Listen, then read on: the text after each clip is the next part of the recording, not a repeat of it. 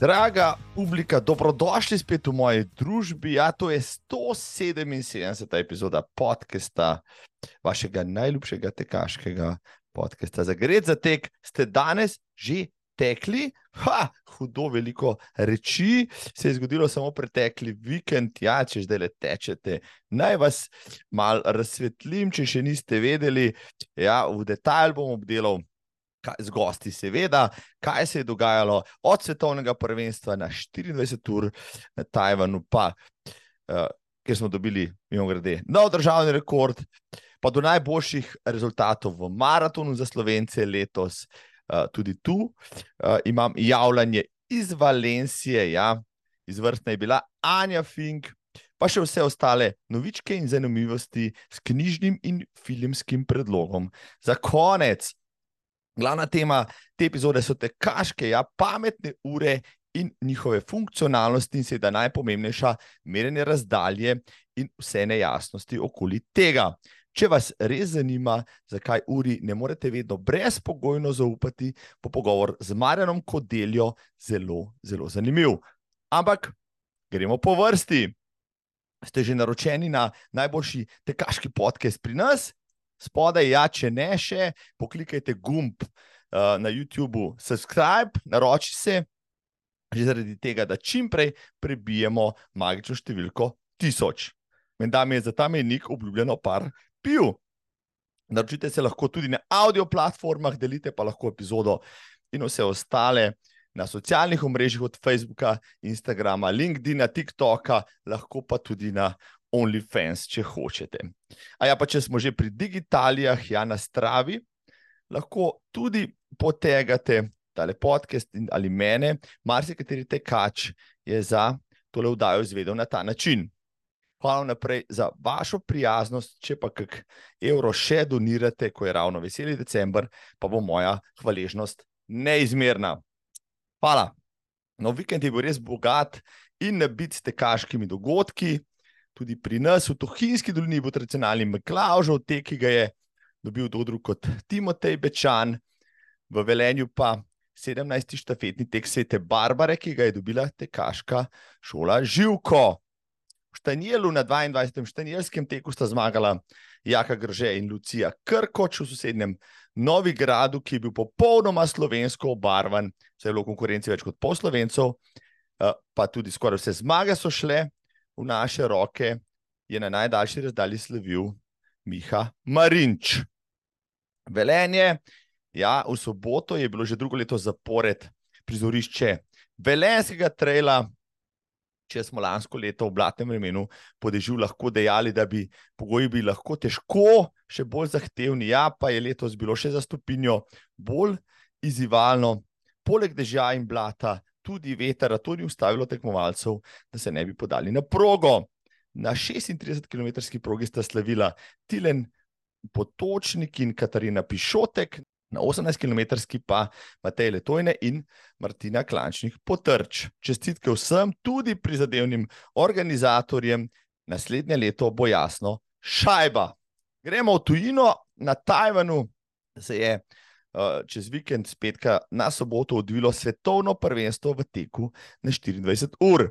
Praktično vsa zveneča imena tega teka so se zvrstila na štartu in na progi. Ja, na peto smo spremljali um, vsako uro, vse update. Kar 138 moških in 111 žensk iz 45 držav se je pomerilo na tej krožni dirki. Prvi favorit je bil Litvanec Sorokin, ki je odkrito napovedoval tudi svetovni rekord, želel si je namreč preteči 200 mil, to je dobrih 321 km. Trenutni rekord, naj spomnimo, je 319.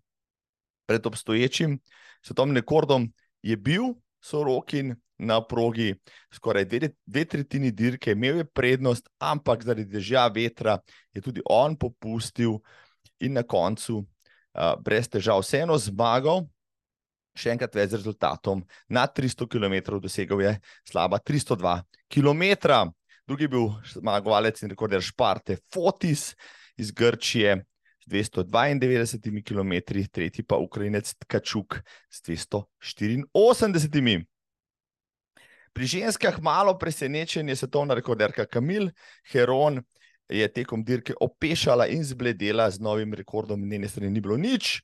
Ja, na vrh pa se je potem suvereno prebila in za bodih 200 metrov po vseeno podaljšala svetovni rekord in ga pripisala sebi. Japonka Miho Nakata je nova svetovna prvakinja in nov rekord znaša 270 km in 300 metrov. Druga je bila Olena Ševčenko iz Ukrajine, tretja pa veteranka, poljakinja Patricija Berežnovska. Kaj pa naši, pazite, to imeli smo izjemno močno ekipo. Videti, Čmiklič, Femc, Stepina, Jugovic in Tina Femc, ekipno osvojeno izvrstno deseto mesto, kar je najboljši uspeh doslej za za Slovenijo na teh tekmovanjih, pa še eh, dva medalista, eh, Mirko Miklič, drugi v kategoriji nad 55 let, zmagovalec v kategoriji nad 35 let, pa še enkrat več, novi državni rekorder in sedmi na svetu. Njegov dosežek 265 km in 322 metrov, do drug kot Luka Videtič. Izolan je tekel taktično modro in sezono 2023 zaključil na najlepši možni način. Več pa mi bo povedal sam iz Tajvana, oziroma iz poti se na kratko oglaša tudi v tale podcast. Evo, zdaj pa uh, v Azijo, ne uh, v Tajpej, ker je uh, naš matador Luka videti že na poti. Kje si, Luka, kje sem te dobil? Trenutno smo v hotelu nekje v Istanbulu. Čakamo. Luštno. Komedije z pač prevozom, kot klasika, kot vsak sezonski let. Ja. Uh, ja, malo smo zamujali iz Tajpeja, letalo Tajpeja je zamujalo, smo zamudili prevoz nazaj v Ljubljano, tako da smo preživeli dan v Istanbulu. A si danes že tekel po Istanbulu? Ne, nisem. nisem. Danes sploh ne boš tekel, ali kako? Danes sploh ne bom tekel. Splet okoliščin je tak, da sigurno ne bom tekel danes. V redu je, v redu je, oproščeno ti je, dragi Luka, najprej uh, iskrene čestitke, aplaus, nov državni rekord in sedmo mesto na svetovnem prvenstvu. Hvala, hvala, hvala. Vrhunski, vrhunsko, res spremljali smo te. Uh, da mi ti zdaj povej. No. Evo, šli, šli ste na svetovno prvenstvo kar daleč, ja, na drugi konec sveta, uh, na Tajvan. Um, s kakšnimi pričakovanji si se odpravljal v Azijo letos?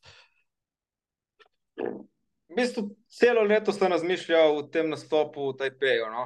Da, res da sem imel dokaj ponesrečen nastop na Špartatlonu, ker sem zbolel.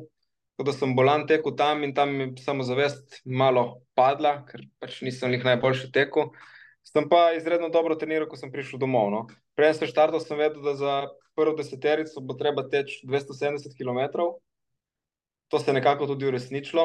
Uh, sicer pogoji za tek uh, na Tajvanu so bili slabi, tako da zaradi tega mislim, da smo vsi tekli malo manj, kot smo bili sposobni. Ampak načeloma, ja, želel sem si priti med deseterico, kot na evropskem, in nekako smo potem tudi to izvlekli. Mislim, da ja, si sedmi, evo, te kaže, da je na svetu na 24 ur. Um, povej mi, pogovori se o pogojih. Ja, ne predstavljamo se mi tlepo, da le točemo, minus zima prihaja. Kakšno je vreme zdaj le tam dol? Uh. Na Tajvanu smo, zdaj, mi smo bili deset dni, sem bil na Tajvanu, uh, smo doživeli od 27 stopinj, pa na dan tekme je bilo 16. Uh, je pa res, da je proga je bila ob reki, to je reka malo večja, kot smo mi navajeni, tako široka in je vse odprto in je izredno, izredno pihalo. No. Mislim, da deževalo, ampak dež ni bil problem. Problem je bil veter, ker je v eno smer, se pravi, krok je bil dolg 2 km, dober kilometr je pihalo nosto po prsa. In takrat tam smo pač vsi izgubljali ogromno, ogromno energije. No. Jaz sem se tudi tle proti vetru, sem se tudi odločil, da sem rajši malo spustil svoj tempo in da sem se za nekoga skril, da sem prešparil malo energije, kot da sem sam z glavo rinil skozi zid. Ne. Mislim, da to smo potem delali vsi, so se proti vetru so se kar hitro naredili neke skupince, pol za nazaj se pa to hitro razbilo. No. Krok je bil dolg, praviš, 2 km ali kako? Točno 2 km. Uh, ste na primer. Se pravi, ni bilo, ni bilo uh, veliko višincev ali pač nekaj malega. Jaz, se pravi, 265 km sem jih naredil po Garminu, se pravi 420, tako da ni bilo vse skupaj nič, 6 metrov približno na krok. Nič. Zdaj, tisti, ki te poznamo, vemo, da je tvoja taktika bila ponavadi. Gremo na polno iz štarta, dokler čas, časa gre, pa, pa čim manj zgubljati, potem, ne, kakšna je bila tokrat taktika? Tokrat sem stvari malo obrnil, ker sem se odločil, da bom tekel 24 ur, ne samo 20. Ne? In drugo, nekako se pravi držati za življenje kot maček, ne? skrempli. Ampak uh, nisem se obadal z nobenim drugim koli sebe. Jaz sem vedno vedel, da moram teh 270 narediti, če hočem pač doseči tak rezultat, kot sem si želel. Uh, jaz sem prvič tudi ljudi, ki so me spremljali, uro pred koncem vprašal, kateri sem nisem niti spraševal, oni mi niso govorili. Uh, glede na to, da je bila proga na določenih samo dva metra široka, uh -huh, uh -huh. je bilo izredno težko prehitevati, in tudi nisem si mogel uh, kilometri na uri, niso niti približno sopadali s kilometri. V realnosti, ki smo vsi delali 5-10 km več, kot je bilo za res, smo jih naredili. Tako da nisem imel sploh nobene pametne reference, kje sem, zakaj sem. Jaz sem samo pač vedel, kakšen je tempo, ki ga moram držati in koliko kilometrov moram narediti. In tega smo se držali. No. Uh, nisem se spuščal nobene dvoboje med tekmo, se pravi, če mi je kdo prehitev, uh -huh. sem ga pustil naprej. Proti vetru sem se pravil čim bolj skrivati in prišparati energijo. No. In tokrat je res, mogoče res razen zadnjih 30 minut, ko uh, sem bil čisto prazen, je v bistvu to delovalo kot, uh, kot mora no, na taki tekmi. Bil tempo približno isten, mislim, seveda. Prva polovica je bila seveda hitrejša kot druga, zato ker pač po naravi sem tak tekaš, da ne, ne bom uspel tega narediti Tako, ampak načeloma je bilo boljše, kot sem mislil. Zdaj, če že to ravno omenjaš, se ne vem, če je kakšen ultratekač, ki je sposoben 24 ur držati isti tempo, razen če ga bi šel hoditi, pa še to ne. Jaz mislim, da tako, še nisem slišal do tega heroja, ki bi tako držal. Razen če gre nekdo tako zelo počasi. Ne? Če bi 6-0 tekel nekdo, ki je sposoben teči 5-0, pol verjetno bi mu to uspelo. Ne? Pa še ti se, po mojem, ne veličaš vsega tega, pa ja. na koncu crkneš. To je moje izredno, izredno težko. Uh, okay, rekel si, ukvarjal si se sam s sabo, prehrana, to je štimalo, vem, uh, mentalne uh, težave, si imel kaj vmes, kakšnih pomislekov, ali to je bilo samo straight forward, krok po krok, šibajmo. Uh, v bistvu nisem imel nekih težav s sabo. Tam nekje 5-6 ur sem imel neko krizo, ki sem jo prebrodil, pol je šlo pa kar uh, naprej hrana, jedel sem non-stop, nisem imel težave, nobenih želodčnih težav. Mislim, prve težave želodca sem imel v bistvu po tekmi, pol po tekmi, in dan sem, ne vem, trikrat, štirikrat bruhal, da je šlo vse potem ven iz mene. Drugače nisem imel nobenih težav, kar se tega tiče. Ja, nisem spoštovano često, če veste, kaj je to ultratek na 14 ur, če en dvakrat, trikrat ne bruhneš, pol sploh nisi tekel, kot je klasika. Zdaj, ja, spremljali smo tudi, pač seveda, so roki na svetovnega prvaka, uh, on je bil na tempu za svetovni rekord, praktično vem, do 18 ure, potem je pač tudi on. Ker fajn popustil, zlezel čez 300 km, sicer, s katerim je bil sicer zelo zadovoljen, ampak do 321 je bilo še kar daleč. Uh, si mogoče kaj govoril z njim ali pa dobil kakšne informacije, kaj pa imel on, kakšne težave? Ne, načeloma sem imel to, bom rekel, čas, da sem in z njim in z Fotisom kar precej časa lahko tekel, da sem bil dovolj dober. Na koncu zadnje, zadnje dve ure sem celo s roke na prehitevo, sem bil na progi hitrejši od njega. Jaz mislim, da pač tekma je bila težka, pogoji niso bili dobri. Uh, on je imel sicer pred drugim fotosom, ni imel tako velike prednosti, tako da ne mislim, da je bil grozno taktiziran, morda res zadnjo uro si je lahko privoščil, ker je bilo to vedno tam 6-7 km samo prednosti, to se pa hitro vrne. No. Uh, Je pa res veliko, veliko ljudi imelo težave. Ne? Če vidimo, da tudi Piotrovski Poljak je lansko leto še 300, je letos komaj 265, za 200 metrov me prehitejo, komaj 265 skupaj s pravo. Ne? Tako da so imeli v bistvu veliko, veliko, veliko težav na progi. No? Um, zdaj, državni rekord, prej si rekel, 270 si štartov, to je to avtomatsko pomenilo, državni rekord na koncu, evo, si ga zlizal za pač en stadionski krog za 400 metrov. Ja, čeprav v uradnih rezultatih najprej ni bilo tega podatka, no zdaj, čeprav gledam, je podatek 265, pa 300 metrov. Ki, 322. Tako, 322, da smo natančni. Ja, to, to pa je zdaj uradna znamka, ki se šteje za nov državni rekord na 14 ur. Drži. Ja, mislim, jaz pravim, nisem niti vedel, kako sem na poti. Pol mislim, da je bilo eno uro, pa tri minute pred koncem, so mi rekli, da mi manjka v bistvu 10 km. Jaz sem se potem tri kroge zaletel, sem tekel pod 5-0, pol sem imel pa 35 minut za narediti 3 km, pol sem pa počasi samo to zvlekel do konca. No. Je šlo le, je bilo tako blizu, da je bilo škoda ne iti malo česno. Najbrž si zdaj pod črto, kljub vsem težavam letošnji sezoni, uh, zadovoljen. Evo, če zaključiš pač sezono 2023 z sedmim mestom na svetovnim in državnim rekordom, to pa je vse lep zaključek, pa lepa sezona. Pa jaz mislim, da smo že na začetku sezone popravili državni rekord 12 ur na 100 mil, zdaj smo popravili 24 ur in seveda sedmo mesto na svetovnem prvenstvu. Iskreno mislim, da ni stvar, ki se, ki se ponovi vsake dve ali pa štiri leta, ko se svetovno prvenstvo na sporedu. Ne? Morda je to celo najboljši rezultat, ki sem ga bil sposoben doseči. Je sigurno najboljši rezultat na svetovnih prvenstvih, ki ga je dosegel bilo kateri slovenec, na kar pač moram biti ponosen in zadovoljen. Uh, najbrž tudi ekipno, no še to omenila, ste bili lepa ekipica. Majhna sicer, glede na to, da je bilo treba priti kar daleč, ampak uspešna na koncu ste skupno prišli med deseterico, premoških, celo med osem najboljših, vendar le tudi v svetovnem merilu in dosežek. Če računamo, da je bilo 41 reprezentantov, mislim, da smo bili v zgornji tretjini, kar pomeni, da smo bili tudi tle uspešni. No? Mislim, da se tudi premaknemo. Če smo bili lansko leto na Evropskem 18, leto smo bili na svetovnem 8. Tako da tle je velik, velik premik. Tudi tle se stvari pač izboljšujejo. Trije fanti smo šli preko 200 km, In to vsi vemo, da iti preko 200 km ni lahko, ni, je, je pač rezultat, ki je neki vreden. No?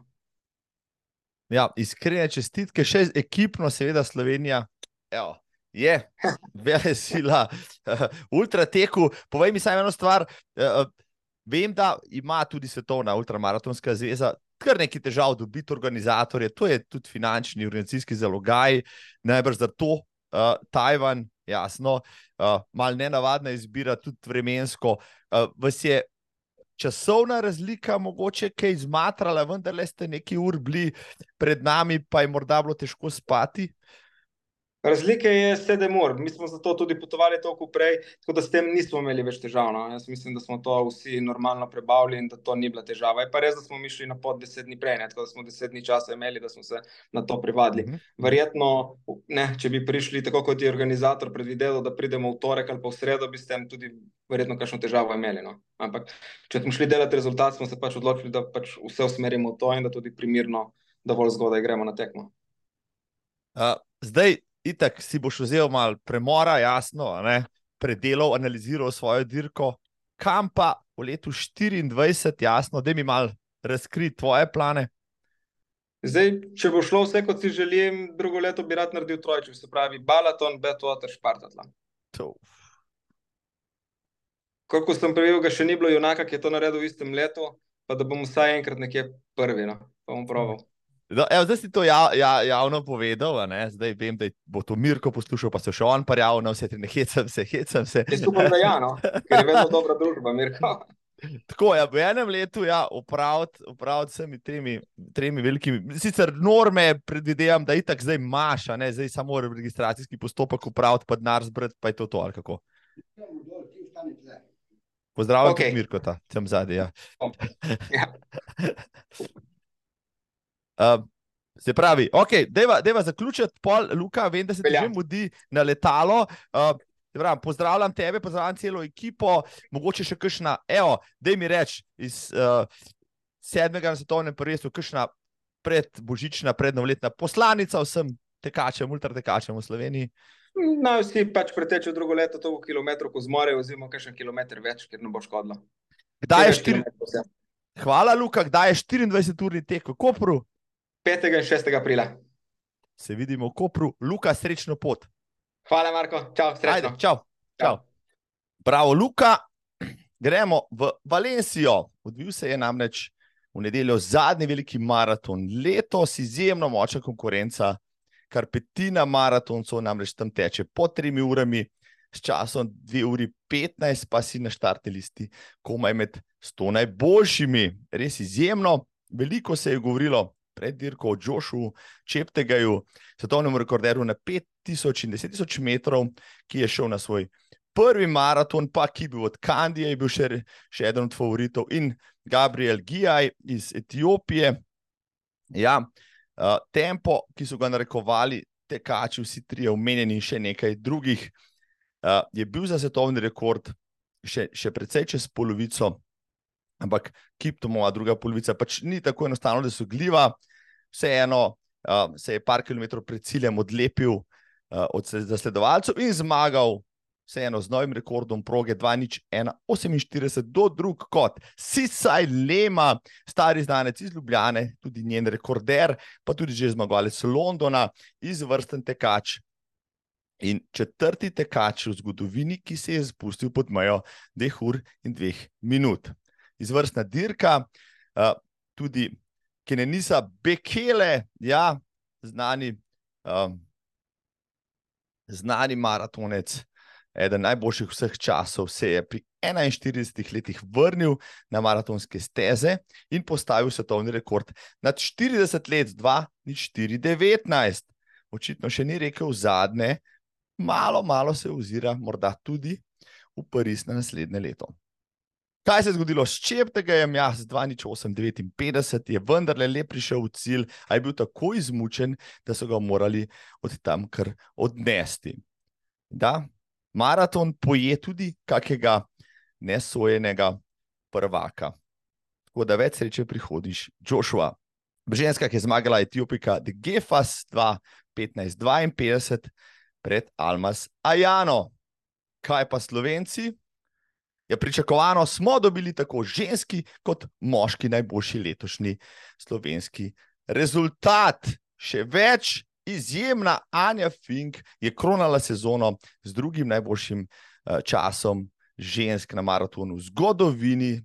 Ja, Anja je tekla iz vrstnih 2 uri 33 minut in 42 sekund in napovedala, da bomo sedaj na trnih uh, celo naslednjo sezono.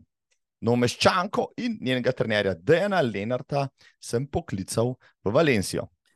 Iz mrzne Slovenije se sedaj selimo v malo manj mrzlo Valencijo, z mano sta nihče drug kot trener Dejan Lenart in izvrstna maratonka Anja Fink. Pozdravljena, oba živijo.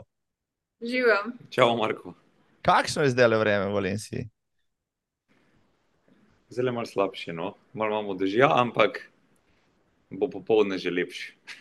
Ampak, ampak popoldne se vračate v Slovenijo, vas ne bo več to zanimalo. Pa včerajšnje vreme je bilo pa fantastično, pa je. Ja, včeraj je bilo idealno. Sonček, slabih 10 stopinj, uh, praktično brez vetra, tako da je bilo res super. Mislim, ko smo špegali malo tisti prenos, pa to videli, jaz smo vsi tisti, ki smo ostali v Sloveniji, bili kar mal fauš. Uh, Anja, te danes, ki noge bolijo, da prvo te bom to vprašal. Uh, ja, malo pa čutim utrujenost, ni pa prehudo. Je bilo po prejšnjih maratonih precej hujš.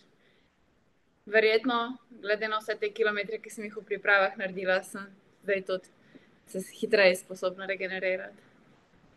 Uh, to je recept očitno za vse maratonce tam zunaj, hitro laufite, pa vas bodo kasneje manj bolele noge. Evo, pribeleženo. Um, najprej čestitke, Anja, fantastičen rezultat včeraj. Uh, vsi smo to gledali, navijali, ampak vsi, uh, bom rekel, tudi naša pričakovanja, vsa presegla. Bravo, čestitke, res. Hvala. Kako si se počutila, recimo, ko si prišla v cilj po tisti modri preprogi? Najprej mi to povej. Ja, tega sem se zelo veselila, te modre preproge, ki sem že pred leti gledala na TV-ju. Uh, tako da občutek je bil pač super. Zadnjih 300 metrov sem dala po tisti preprogi vse od sebe. In pač v cilju je itak zadovoljstvo, že zaradi samega pretečenega maratona, pa še zaradi rezultata, pa še posebej.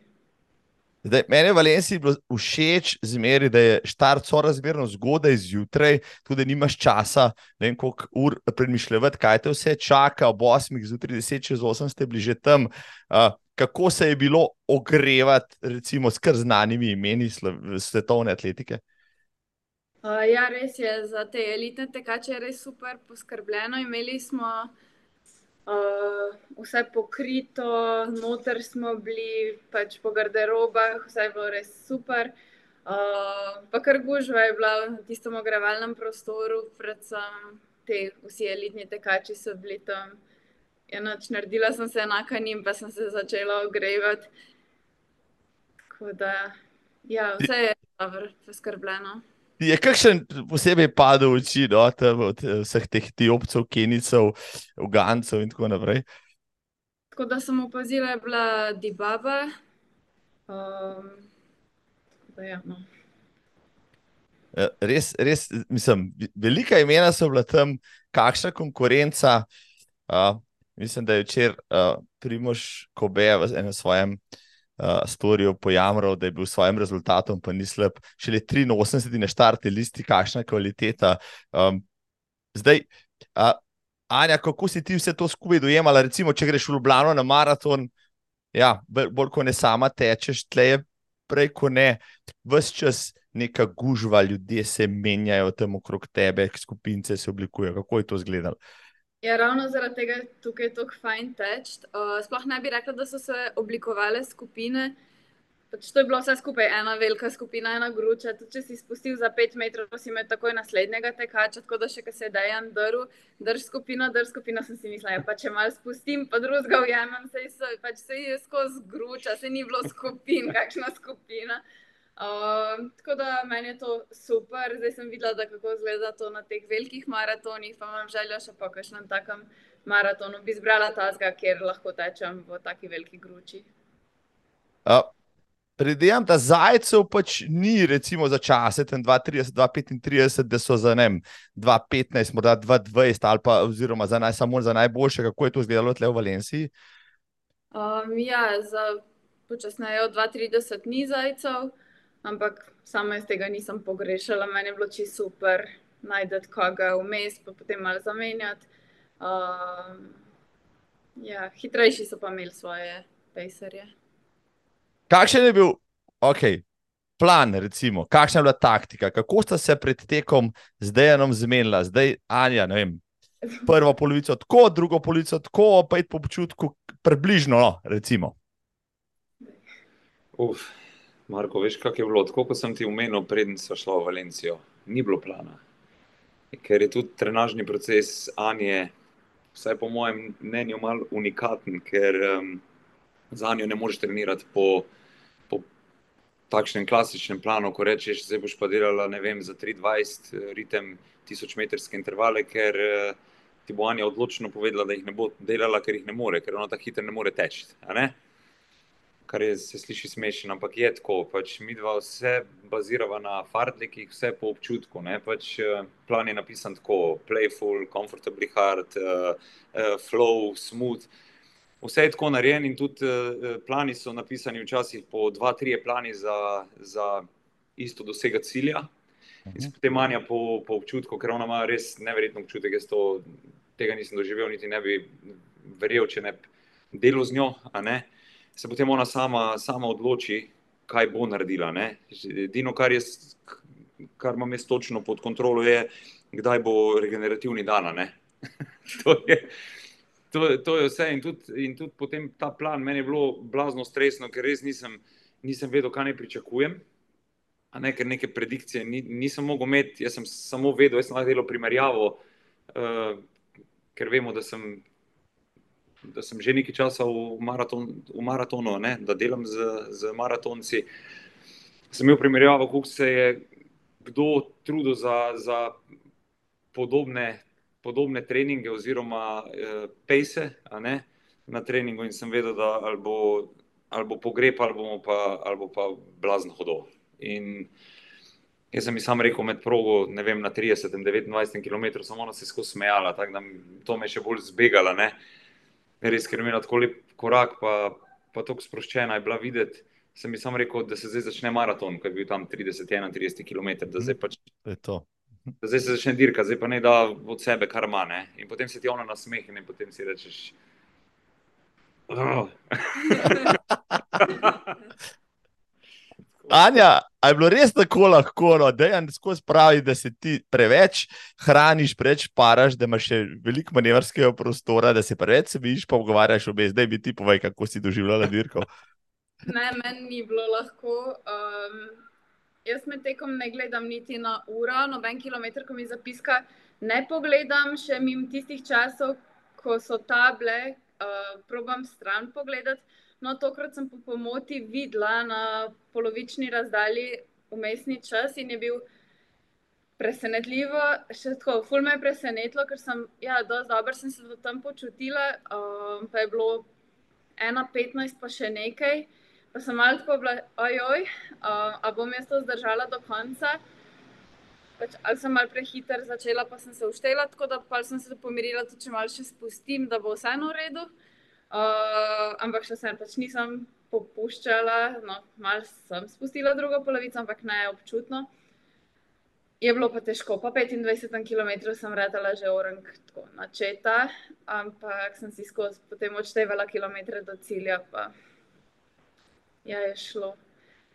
Um, Me je bolj z energijo napolnila tista polovička čas, ko sem videla. Se pravi, hočeš reči, da boš zdaj začela gledati na uro, zaradi tega, da te bo to motivirala, še vedno ne. ne bom jaz gledala na uro. zdaj praviš, ja, po 30. kako si ti pomagaš med kakšno tako krizo, zelo mentalno si vzameš kakšen gel, kaj je to recept, da pač lahko tako visok ritem vzdržuješ. 1,15 je za polovičko vrhunski rezultat, kaj šele za maraton. Ja mi, ki smo to spremljali, pa te mečkam poznamo, smo rekli, Anja, bo tole zdrgala do konca. Marsikoga bi to prestrašilo, no? pa, ali pa vsaka kriza, ki bi prišla, bi mu vzela voljo. Kaj ti narediš, da premagaš to? Ja, jaz sem si potem govorila, pač po 30 km, da naj do 32 zdržim, in potem sem še 10, in to je itak manjka 40 minut. Potem sem se pa skozi fokusirala na te postaje, ki so bile, in pač, da bom tam dobila okrepčilo, ne, pa da bo gel, pa da mi bo še gel pomagal, čeprav meni je bilo malo po 30 km, ful slabo, povsem sladkem. Um, ampak sem vedela, pač, da rabim še dodatno energijo, pa veselila sem se v bistvu naše ekipe, ker so se punce razdelile po celi Valenciji uh, in Tinin, uh, moja mama, pa fant. Uh, in sem se veselila, v bistvu, da pridem do njih. Tako da vedela sem, da so eni na 33, eni na 37 km in sem, sem čakala, da pridem do njih. Pa sem si tako razdelila v bistvu po delih. Kaj si si, recimo, vsem pri dirku želela doseči? Ne vem, 2,35 bi bil lep čas, kaj takega. Nekaj si imela v glavi, morda, morda v zadnjih kilometrih si rekla, ok, ne, lahko pa to pa tudi dosežem. V bistvu nekega časovnega cilja si nisem sploh zadala, ker bi bila potem, nisem hotela biti razočarana, no, če ne bi tega dosegla. Dejan je mal namignil, koliko časa naj bi polovičko obrnila, pa sem bila sem jezna, ker je karkoli omenil, da pač mi naj ne govori in da itek ne bom na uro pogledala.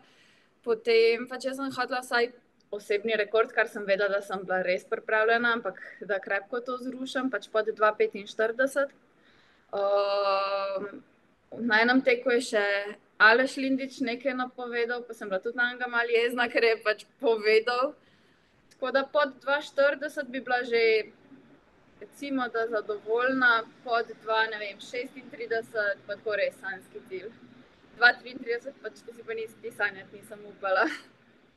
Jaz sem ta drugi uh, slovenski ženski čas v zgodovini, Evo, ta letica se pomika proti prvemu. Da, Jan, še ti mi povej tvoje občutke, ti si tu pa spremljal, pa imel si uro, evo, ti si pa znal zračunati, kaj si pa ti razmišljal. Marko, jaz, jaz sem prepovedal vsem, da mi pišejo z kakimi koli časi, pa vsem so eni prekršili to. Ne? Uh, še, še mami v Dani, sem rekel, ne vem na katerem kilometru sem stal in, in jo kličem, ne, je šla mimo, je vzela uh, stvari. Ja, ona pa teče več v ritmu 3,35. No, sem rekel, mi smo skrega, ne pogovarjava se več. Dve minute je, je trajala ta jeza, ampak uh, veš, kaj je bilo najbolj smešno, to nam pozabo do konca življenja. Ker Anja pride na 40 km, ne, sem pač kričal, sem tako tam vsi kričijo. Ne. Pa lušne, v Španiji se, se takoj eh, s tem kričanjem pomešaš med ljudi, ni, ni, nisi posebnejša. Um, in jaz rečem, Ani, sploh nisem imel kakšne tekle, nisem hotel gledati. Ni, pač živčen, tako sem pač vedno. Uh, in rečem, tečem z ravnijo, tako tam, ko se je pač dal, je malo spremljal in sem rekel, Anja, dej, dej, lagal. Nisem res vedel, sem uh, lagal. uh, sem rekel, vse je ful dobro ti gre, ne? boš imela osebni rekord, pa ne reče, jaz se vem, da hitro tečem. Rekel. In si ostal Kaj brez ti ne rečem, spet progresivno do konca, če gre, to je to. Mislim, no, lepo je trenirati tako atletinjo, da je. Ne? Blazen. Um. Res, mislim, tudi komunikacija z njo je. Jaz mislim, da, da bolj, bolj kot to, da, da vsi plani, pa to jaz mislim, da je komunikacija ta ključ, ko bi, ko bi mogli eh, trenerji delati na njemu, ker atlet je ipak eh, atlet, eh, trenerju zaupa, ampak brez komunikacije, brez feedbacka, ki ti ga te dan nima trener kaj delati, ker če tega ne upoštevaš, nisi nič naredil in konc koncev si tako ali tako sami spišejo trening, če pač je komunikacija normalna in če jo, če jo prisluhneš, ker jaz čutiti njenega telesa ne morem, če bi to, če bi to znal, bi bilo čudo. Tako da meni men to dosti pomeni, no, v planiranju. Bravo. A, Anja, kaj se je bistvenega reče spremenilo v treningu v tej sezoni? Ne Vem, si povečala kilometrino, si uh, vem, spremenila koncept treninga. Kaj je bistvenega, no, da si naredila ta rekel, enormen preskok? Si, si bila hitra pol maratonka, v lanski sezoni si to dokazala, ampak preskok na maraton, kot smo videli, recimo pri Čeptega, je ni tako lahka stvar. Um, ti si to naredila, kaj, kje so bili bistveni poudarki tvojega treninga letošnje sezone v pripravi, recimo na to Valencijo? Ja, tri mesece priprav sem imela res visoko kilometražo. Uh, prišli smo tudi do rekordnih 214 km v enem tednu. Um, tako da vedela sem, da sem ful dobro pripravljena, da pač kilometre imam v nogah. Pa tudi bolje je šlo proti koncu, hitrejše kilometre, hitreje sem obračala intervalne treninge, vse je šlo hitreje, tako da sem še vsak trening presenetila samo sebe in sem pač vedela, da sem res super pripravljena. Sam malo me je begalo to, kako se pač lotiti, kaj si lahko jaz zastavim, ko pa itak ne gledam na uro. Um, pa itak, tako željo sem imela preteči maraton, da res je bilo vse posvečeno tej Valenciji v tej sezoni, v jesenskem delu. Evo, uh, delo je obredilo sadove, da je zdaj um, si pa potrdil to, kar smo pač že vedeli, ne? da če da znaš natrenirati punce za vrhunske maratonske rezultate. Ja, enkrat, ja, eno punco spraviti do 2,35, ok, ampak dve, ne, recimo, oziroma eno že pod, to, to pa ni več na ključje, to je pa uh, pač je ekspertiza. Zdaj, te že kličejo, recimo, nove kandidatke, atletinje, da je vzemel trening, nekaj očitno delaš prav, oziroma jih imaš že tako tako veliko zdaj v treniškem procesu. Pa jaz mislim, da imamo lepo skupino atletin, dobro se je tudi kak atlet zraven. Imamo moške predstavnike vmes, so bolj redki, uh, ampak uh, veš, kako, vse če bi bile dve Anje, uh, mislim, dve punci, ki, ki so tako talentirane, ali pa tri, štiri, pet, jaz se mogoče bi, bi za vse skupaj bilo to ok, ne.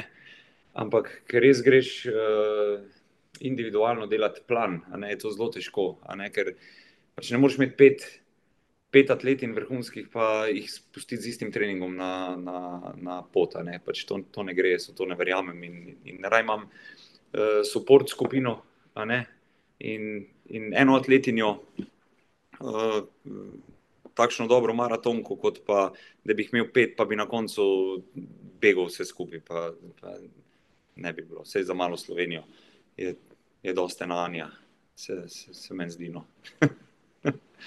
Mislim, ja, res smo, veseli smo a, in hvaležni, da imamo spet maratonko svetovnega kova. Uh, Anja, evo, 32, obeta marsikaj. No.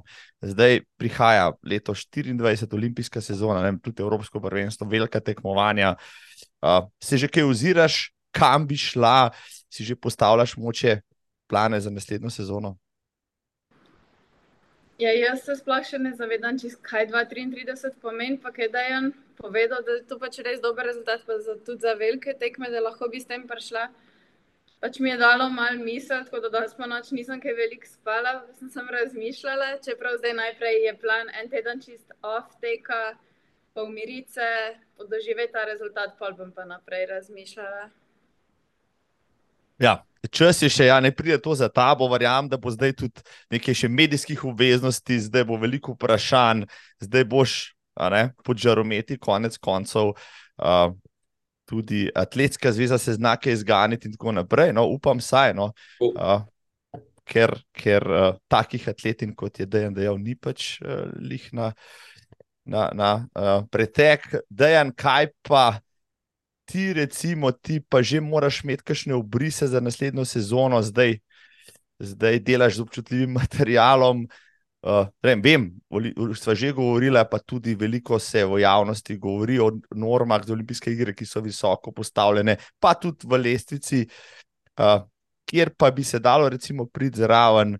Uh, kaj, kakšen, kakšen je tvoj pogled na to, na naslednjo sezono?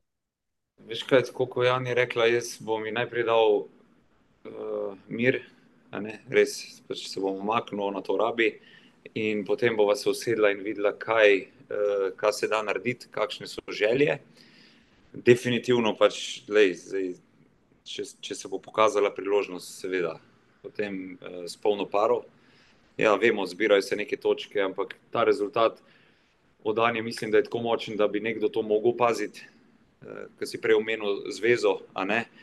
Mislim, če bomo zdaj samo točke gledali, pa zbirali točke, pa, pa se ne dotikali rezultatov, pa, pa uh, pa sposobnosti atleta, potem tudi ne vem, kam se pride. Ne?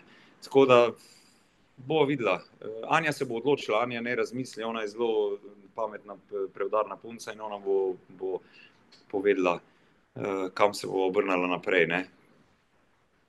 Tako da jaz bom, jaz bom zdaj res utihnil za ne tri tedne, pa bom. Vem, da težko to narediš, ja, ampak ja. ja. Anja, Zdaj še eno vprašanje. Si danes že tekla? Ne, ne, nisem, pa tudi ne bom. To mi deli, evo.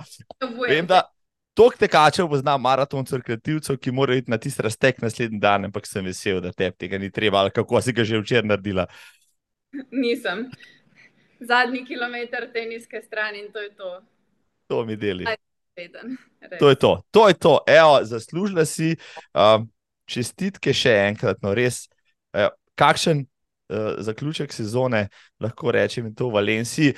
Uh, Dejan, v Valenciji si, si, si že nekajkrat bil, kako se ti je letos vse skupaj izdelo, so organizatori dodali še piko, no in kako si ostalo dirko spremljalo, moče kakšen komentar pod črto še. Veš, kaj je ta Valencija je tako organizirana, da jaz ne vem. Eh, mogoče da bi z Ljubljana se kdo še pripeljal malo pogledati, pa da se malo bolj spoštuje slovenske športnike. To bom tako vedno poudaril, jim je to všeč ali jim ni všeč, um, ker mislim, da, da si zaslužijo pozornost.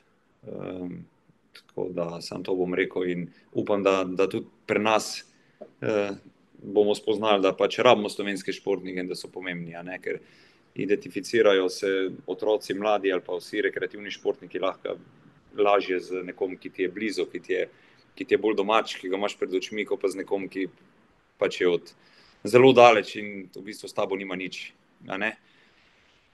Tako da to je moje, mislim, Valencija pa super, vrhunsko. Nimaš kaj, res mislim, tudi organizator, kako sem jaz komuniciral z njimi. Vedno prijazna komunikacija, vedno imajo odgovor. Uh, res mislim, čisto vsako stvar so ti na voljo.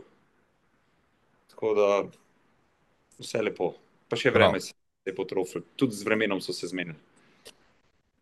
Ja, Valencija zna biti v prihodnosti tudi kraj kakšnega svetovnega rekorda na tej distanci. No? Ampak pustimo to za prihodnost, kot vse ostalo. Anja, Fink in Dejan Lenar sta bila z mano. Hvala še enkrat obema za vajen čas. Uživajte še sproščen dan v Valenciji, proslavite še enkrat ta dosežek, pa se vidimo potem spet na domačih tleh. Hvala. Hvala, Marko. En lep pozdrav. Ja. Hvala, srečno pot. Čau, čau. Hvala. Na peto smo spremljali tudi tek. Primoža Kobeta za tale maraton se je namreč pripravljal tudi v Keniji. Na koncu je vtekel solidnih 2 uri 17:37. Ja, uh, širno poročilo je sam objavil tudi na uh, svoji Instagram strani.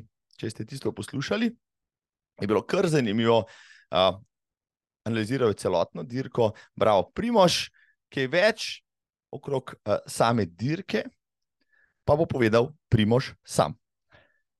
Valencija, po Valenciji, sedaj se selimo v novo mesto, kamor je že prispel, nazaj iz sončne Španije, naš Primož, ko be, Primož, dobro večer živijo. Dobro večer, živijo. Si danes že tekel? Ne, ni pauze imam, ker imam uh, priprave na silvestrovanje našega kluba in delam na polno. Prav. A bo tekaško obarvano, kako? Tekaško. Uh, mi imamo vedno pohod uh, z obveznim ogrevanjem, če veste, kaj mislim. Vemo. Pred, Vemo.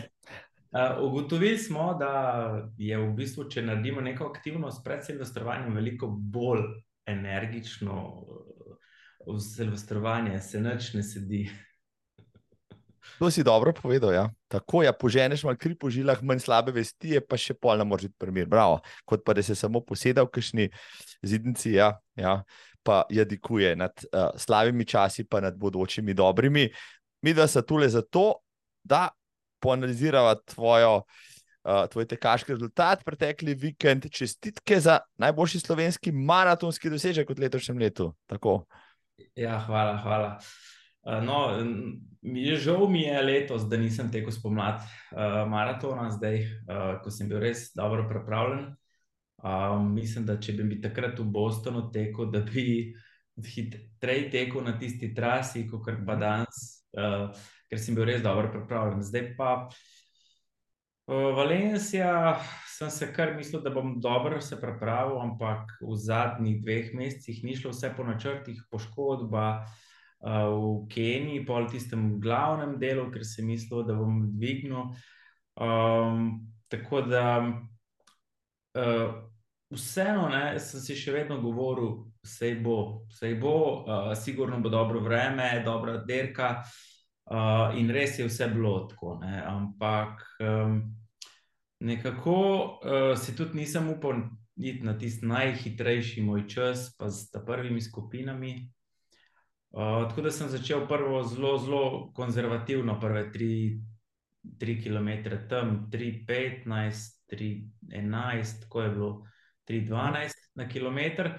Potem sem v tej prvi skupini z vodilnimi uh, ženskami, ne, um, ki so se pa pol na tretjem kilometru, pogledam 3,15, sem si mislil, da bom pa večkrat pre, prepočas, da imamo zdaj malo in vidim naprej skupino. In takrat sem v bistvu naredil, zdaj, če zdaj analiziram, glavno taktično napako. Uh, če bi tako nekako rekel, lej, če bi grem s puncami, prva punca bo tekla 2-15, 2-16, danes to že punce tečejo, ali pa že 2-12, kar je noro. Um, bi pa lahko recimo se zelo prešparal noter v skupini, vse bi bilo lažje, uh, in potem bi od, od, od po mojem, šel od finišerov in bi bilo, ne vem, 2-14, recimo. Um, in tam sem naredil napako, sem šel pa naprej, sem pa vstal med skupinami. Uh Mhm. -huh. Tri, štiri smo bili tam, neki smo si pomagali, en je delal malo fartlek, malo hiter, malo počas, mislim, res ni, ni bilo idealno. Pa, potem sem pa že bil 15 metrov za skupino 305 ritem. Okay. Ampak sem delal 305, pa jih nisem več mogel loviti, se pravi, nisem si pa upal hitreje teči. In sem rekel, lej, dolga je še do konca, in ni, ni pot. Tako da sem tam tekel sam, en, dva, pa en je šel malo hitreje, en jaz, pencajte jaz vlekel, drug. Um, malo je bilo vetrčka, no, um, ampak ne spet tako, da bi bilo to. Uh, potem pa smo prišli na polovico, ena, sedem, ne vem, uh -huh. 25, nekaj tazga sem šel, se pravi, to je bilo še vedno za 2,15. Uh, potem so malo ratale težke noge, moram priznati, uh, tudi tisti del, ki se malo dviga ob reki, gre. In potem pa za mano pride ta skupina, uh, ki se lahko reče: Ja, z, z puncami, prva puncami. Uh, smo tudi enega kolega, med tako, pod, ajde, pet not, zdaj bo sem šlo. Ne? Ja, punce so začele 30 leteti, 30, mislim, to ne moreš verjeti. Mislim, morate vedeti, punce, ki grejo 30 na maratonu, to je zdaj pa že noro. Ne? To je bila ta Sefa, uh -huh. um, Kedžeta, ta. Um, Nemka, Ajana, ne, to so bile Ja, težke. res, res, Ajana, mislim, to so um, letele. Uh, tako da sem imel težave držati to skupino. In sem rekel, veš, kaj ti gre, zdaj pa že babe ne morem držati. Kam smo prišli? Ja. Do 30. smo šli skupaj, potem sem pa padel v krizo. Uh, pa sem pa tam na 31. mu en gel, sem se pa na 33. mu pobral, zdaj že 33. Ampak jaz sem hotel sem do konca, do konca, do konca, ne glede, se pravi, odstop ni bil. Ni bila opcija. In potem sem se začel pa lepo spet nazaj dvigati, tako, uh, ajde, 322, 321, 320, 318, 317. Tako da na koncu še ne vem, 315, 314, no. Ampak kaj več pa že ni bilo za postrgati na koncu. No. No, sej, 2017 pač ni rezultat, da bi mu vse gledal v zobe, konc koncev. Ja, vem, da si morda pričakoval kaj več, ampak uh, vseeno si zraven, da je tako reči, da ne pri 42, vendarle še nisi za staro šaro, kar pomeni najbrž, da primoš kobe. Kaj ni še ustrajati, kako sezono ali dve ali kako. Teko bom še vedno še. Um, zdaj na kakšen nivo bom šel, ne bi zdaj preveč izdajal, Uh -huh. ker ni nič potrjeno, vse je še v oblakih, vse se lahko še obrne. Uh, dejstvo je, da olimpijske igre odpadejo. Um, to sem vedel že prej, tudi nisem, zar, ne vem, nekako 2-11, 30, uh, pa potem po rankingu pa ne bi prišel. Ne. Uh, zanimivo, kako je šla konkurenca gor. Ne. Se pravi, uh, Francoz z 2-0-6 ni prišel na olimpijske igre. Se pravi, Francozi Ker je- so nori. Ker je toliko boljših, ja, ki so reprezentacije. Ja. Tako, Tako, tako. tako da um, uh, to, to je odpadlo, olimpijske igre so odpadle, uh, zdaj je Evropsko prvenstvo, je pa uh, polmaraton v juniju naslednje leto. Tako da po vsej verjetnosti bom zbral še en, če bom tekel tudi maraton, ker mislim, da ga bom. Uh, en hiter polmaraton in pa maraton v, v, uh, spomladi. Uh, potem pa bomo videli, ali gremo na Evropsko ali ne gremo. Uh, potem po jesen bom definitivno tekel maraton. Zdaj, zelo blizu smo, da lahko to lahko povem, da, bi, da bom tekel v Ljubljano. Sem se moramo še do konca dogovoriti. Aleluja. Tle pa računam na ta enodnevnejši čas, no, bom rekel. Uh, ne vem, po 20, sigurno, no, jaz, jaz upam, da bi bilo recimo po 2-15. Um, tako da to bo mogoče glavni cilj drugo leto. No. No, Ljubljana, pravi, za doma. Eno leto dela si, si zdaj že na kopu. Evo, tako, ja. Ja. Ampak zdaj sem na dopustu. Zdaj, zdaj lahko pustiš. Ja, mislim, prosto pot. Uh, Primož si imel moče priložnost se kaj podružiti, spregovoriti kakšno besedo z Kenici, z Etiopci, morda z Lemo, ki je med drugim, recimo, rekorder v Ljubljani, ali pa celo z Bekelejem, ki je tvojih let, recimo, pa je odlično stekel. Bili smo na treningu, um, v bistvu vsi so tekli uh, zraven. Uh, rekel, vsa tekaška družščina mi je poznana, ampak bilo nas je preveč. Morate vedeti, da je bilo 200 elitnih moških. Neverjetno. Ja. Mislim, to je, recimo, let, jaz sem od 83 številko, za 2013 sem bil 83 najboljši. Se pravi, 82 tekačev je imelo boljši rezultat kot jaz, imel jih je pa tudi ogromno. Ne. Se pravi, ženske prve številke so šle od 200 naprej. Ne. Uh, tako da konkurenca, ne vem, ni bilo še ta, tako močnega maratona nikoli, da bi vsi nastopili na enem. Ja, tukaj je bilo samo elite toliko kot recimo na enem manjšem maratonu v naših koncih, ja, vseh udeležencev. Tako da, ja, neverjetno je, ja, koliko ljudi in kakšne pač tudi finance so zraven, da vse te tekače tudi zvabijo tja, pa jih potem nagradijo. Se pravi, čas ni bil presenečenje, čeprav morda je bil zmagovalec malo. Ja, koga si ti pričakoval na prvem mestu?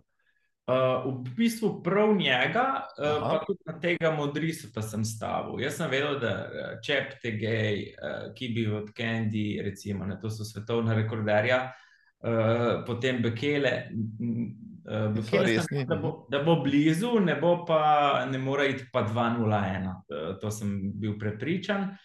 Um, on lepo še drži to svojo zadevico naprej in čisto super. Ni, ni slab, ne Bekele, nimamo ok, ampak konkurenca res tako močna.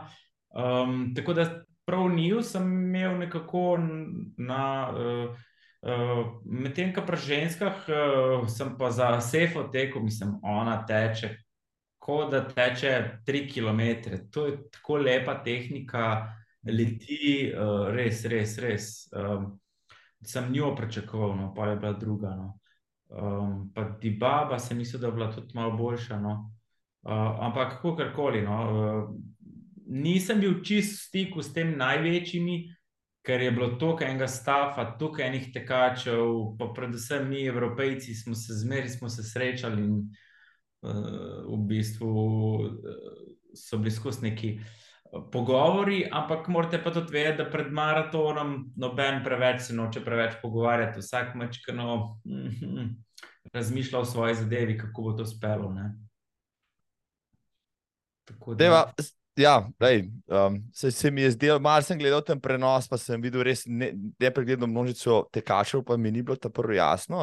Je to res elita, ne? kaj kaže kamera, ampak kamera, to kot si rekel, je kazala tisto množico ljudi, ki so bili vsi ram, pozicionirani ja, med najboljše, res norišenca.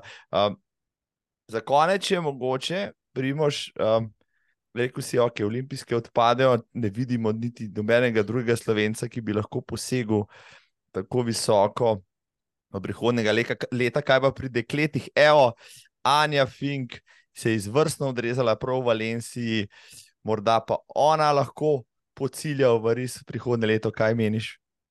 Uh, ja, norme nima. Uh, se pravi, tako kot jaz, za njih je norma 2,26-50.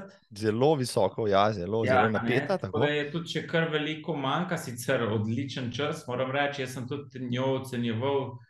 Že lani, ko je 1-12 tekla pol maraton, uh, sem vedel, da je v bistvu nekje tle zmožna 2-32-2-33, ampak to odteč, ne, uh, je pa kar težko in naredila velik priskok iz 2-45 drugi maraton. Tako da uh, zrela je bila odlično pripravljena, uh, je pa res mi je tudi povedala, da praktično ni tekla metra brez skupine. Se pravi, vem, ker sem lani uh, spremljal Ano Šteful, mojo tekačico, ki je tekla. To je v bistvu reka tekačev, na 2-30 je reka tekačev, do, do, skozi. Um, primer, en moj tekač je tekel 2,56 in je bil 4300. to vam malo pove. Ja, kar, ja, imel si kar lepo ekipo tudi sabo, ja? fit klub, ves je bilo. Kdo je bil poleg tebe potem ja. še, še dober na progi? Uh, bil je Sandy Bayer, uh -huh. uh, on je v bistvu bolj v ultra, oziroma v trailu, uh, prav tudi en zelo znan tekaški obraz. Um, on je včasih bil tudi na DOS-u, že tretji na dirki okrog Slovenije, včasih se je temu posvečal, zdaj pa bolj v trailu. Uh, zdaj pa prvič se spustil po tremi urami. Uh, v, sicer je leto že tekel 3, nič, nič, nič, ena, se pravi, eno sekundo čez 3 ure uh, v Bostonu, uh, je pa zdaj tekel res vrhunsko. Uh, potem Dom Bajec 318, Renata Kamenšek 324, tudi dober rezultat za punco, rekreativko. Uh, tako, pa tudi moja žena je, je postala osebni rekord. Ja. Tako, ja. tako da um, smo, v bistvu vsi so tekli osebne rekorde, razen coach. no, ampak ja, zdaj, temu reči, da, ja, da ima coach dober razlog, da ga ni. Ja. Pa, ko bodo ostali, pač to tekel, lahko tudi potem spustijo, kakšno dirko, pa posebnih rekordov ne postavljajo posod. Pozdravljam na tem mestu še pač nekaj svojih kolegov, ki so bili tudi tam, Mateoš Hriber, ki je šel tudi po tri, pa Rogoli, Slavko, misli, Vlado Moratovič, Katarina Brnisel in tako naprej. Uh, Slovencev je bilo kar nekaj, uh, Valenciji je. Tako. Tako da kar.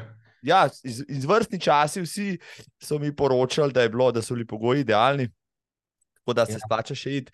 Uh, drugo Primož, leto. Drugo leto. Ne vem, če si to je danes uh, uh, nova informacija. Ponujajo en milijon evrov. Za, za svetovni rekord. Za svetovni rekord. Da, to že nekaj napoveduje. To pomeni, da je denarja dovolj, da se mora samo najti junak. Tako da, uh, pa da vidimo, bomo stave polagali, uh, kateri bo šel tja, morda bodoči olimpijski prvak, ki bo imel ravno prav časa, da se spočije do Valencije. Uh, vmes je še novomeški polmaraton, primo že daje prihodnje leto.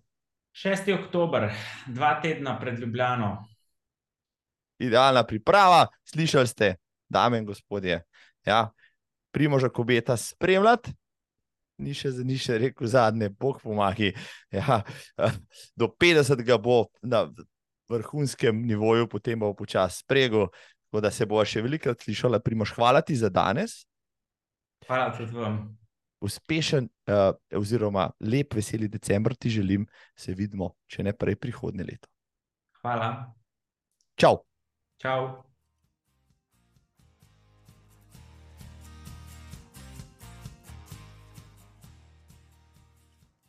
Pred tem tedna še malo znanosti, tako je Alex Hutchinson.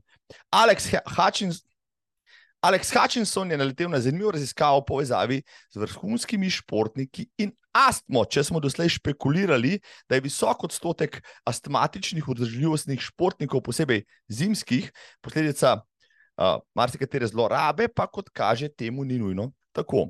Morten Hostrup iz Univerze v Kevenhavnu je dognal, da prav najbolj uspešni vzdržljivostni športniki pogosteje, pogosteje, pogosteje razvijajo simptome astme, oziroma uh, strokovno rečeno, exercise, exercise bronchoconstriction ali po domače z naporom povzročena bronhokonstrikcija. Vzrok za to je lahko zelo hladen, pa tudi onesnažen zrak, Kaj povzroča mrz? Ja, zrak ohladi in mu vzame vlago, pri intenzivnem naporu pa leta lahko draži in vnema dihalne poti. Pogosto izvajanje teh aktivnosti lahko vodi odziv telesa v taki meri, da se razvije ta bronhokonstrikcija oziroma celo astma. Tudi če niste olimpijski športnik, ja, pri teh so intenzivni napori v zimskem času pač stalnica. Uh, bo tudi za vas rekreativce v zelo mrzlih dneh pametno, torej čez usta, čez dihalni aparat navezati vsaj kako bandano ali ruto. Tako, zdaj pa k temi tedna športne ure, njih funkcionalnosti in natančnost. Jasno, naše zapestne prijateljice so z leti postale zelo dovršene, zdaj nam ne merijo samo aktivnosti, pač pa tudi spanje, počutje, nasičenost krvi, pritisk in kmalo še kaj več. So odličen pripomoček ob aktivnosti, nikoli pa ne čisto stotstotne. Tako pri srčnem utripu, višinskih metrih in še posebej pri razdalji je potrebno določeno mero odstopanja vzeti v zakup. Je torej uradna izmerna razdalja na tekaški dirki prava ali ima prav vaša ura, ki kaže več. No, o tem, v zanimivem pogovoru s strokovnjakom, ki je bil svoje čase urednik revije, moj mikro, sedaj pa o tehnologiji piše za več publikacij, med drugim tudi za Tehnozvezdje. Z mano je Marjan Kodelja.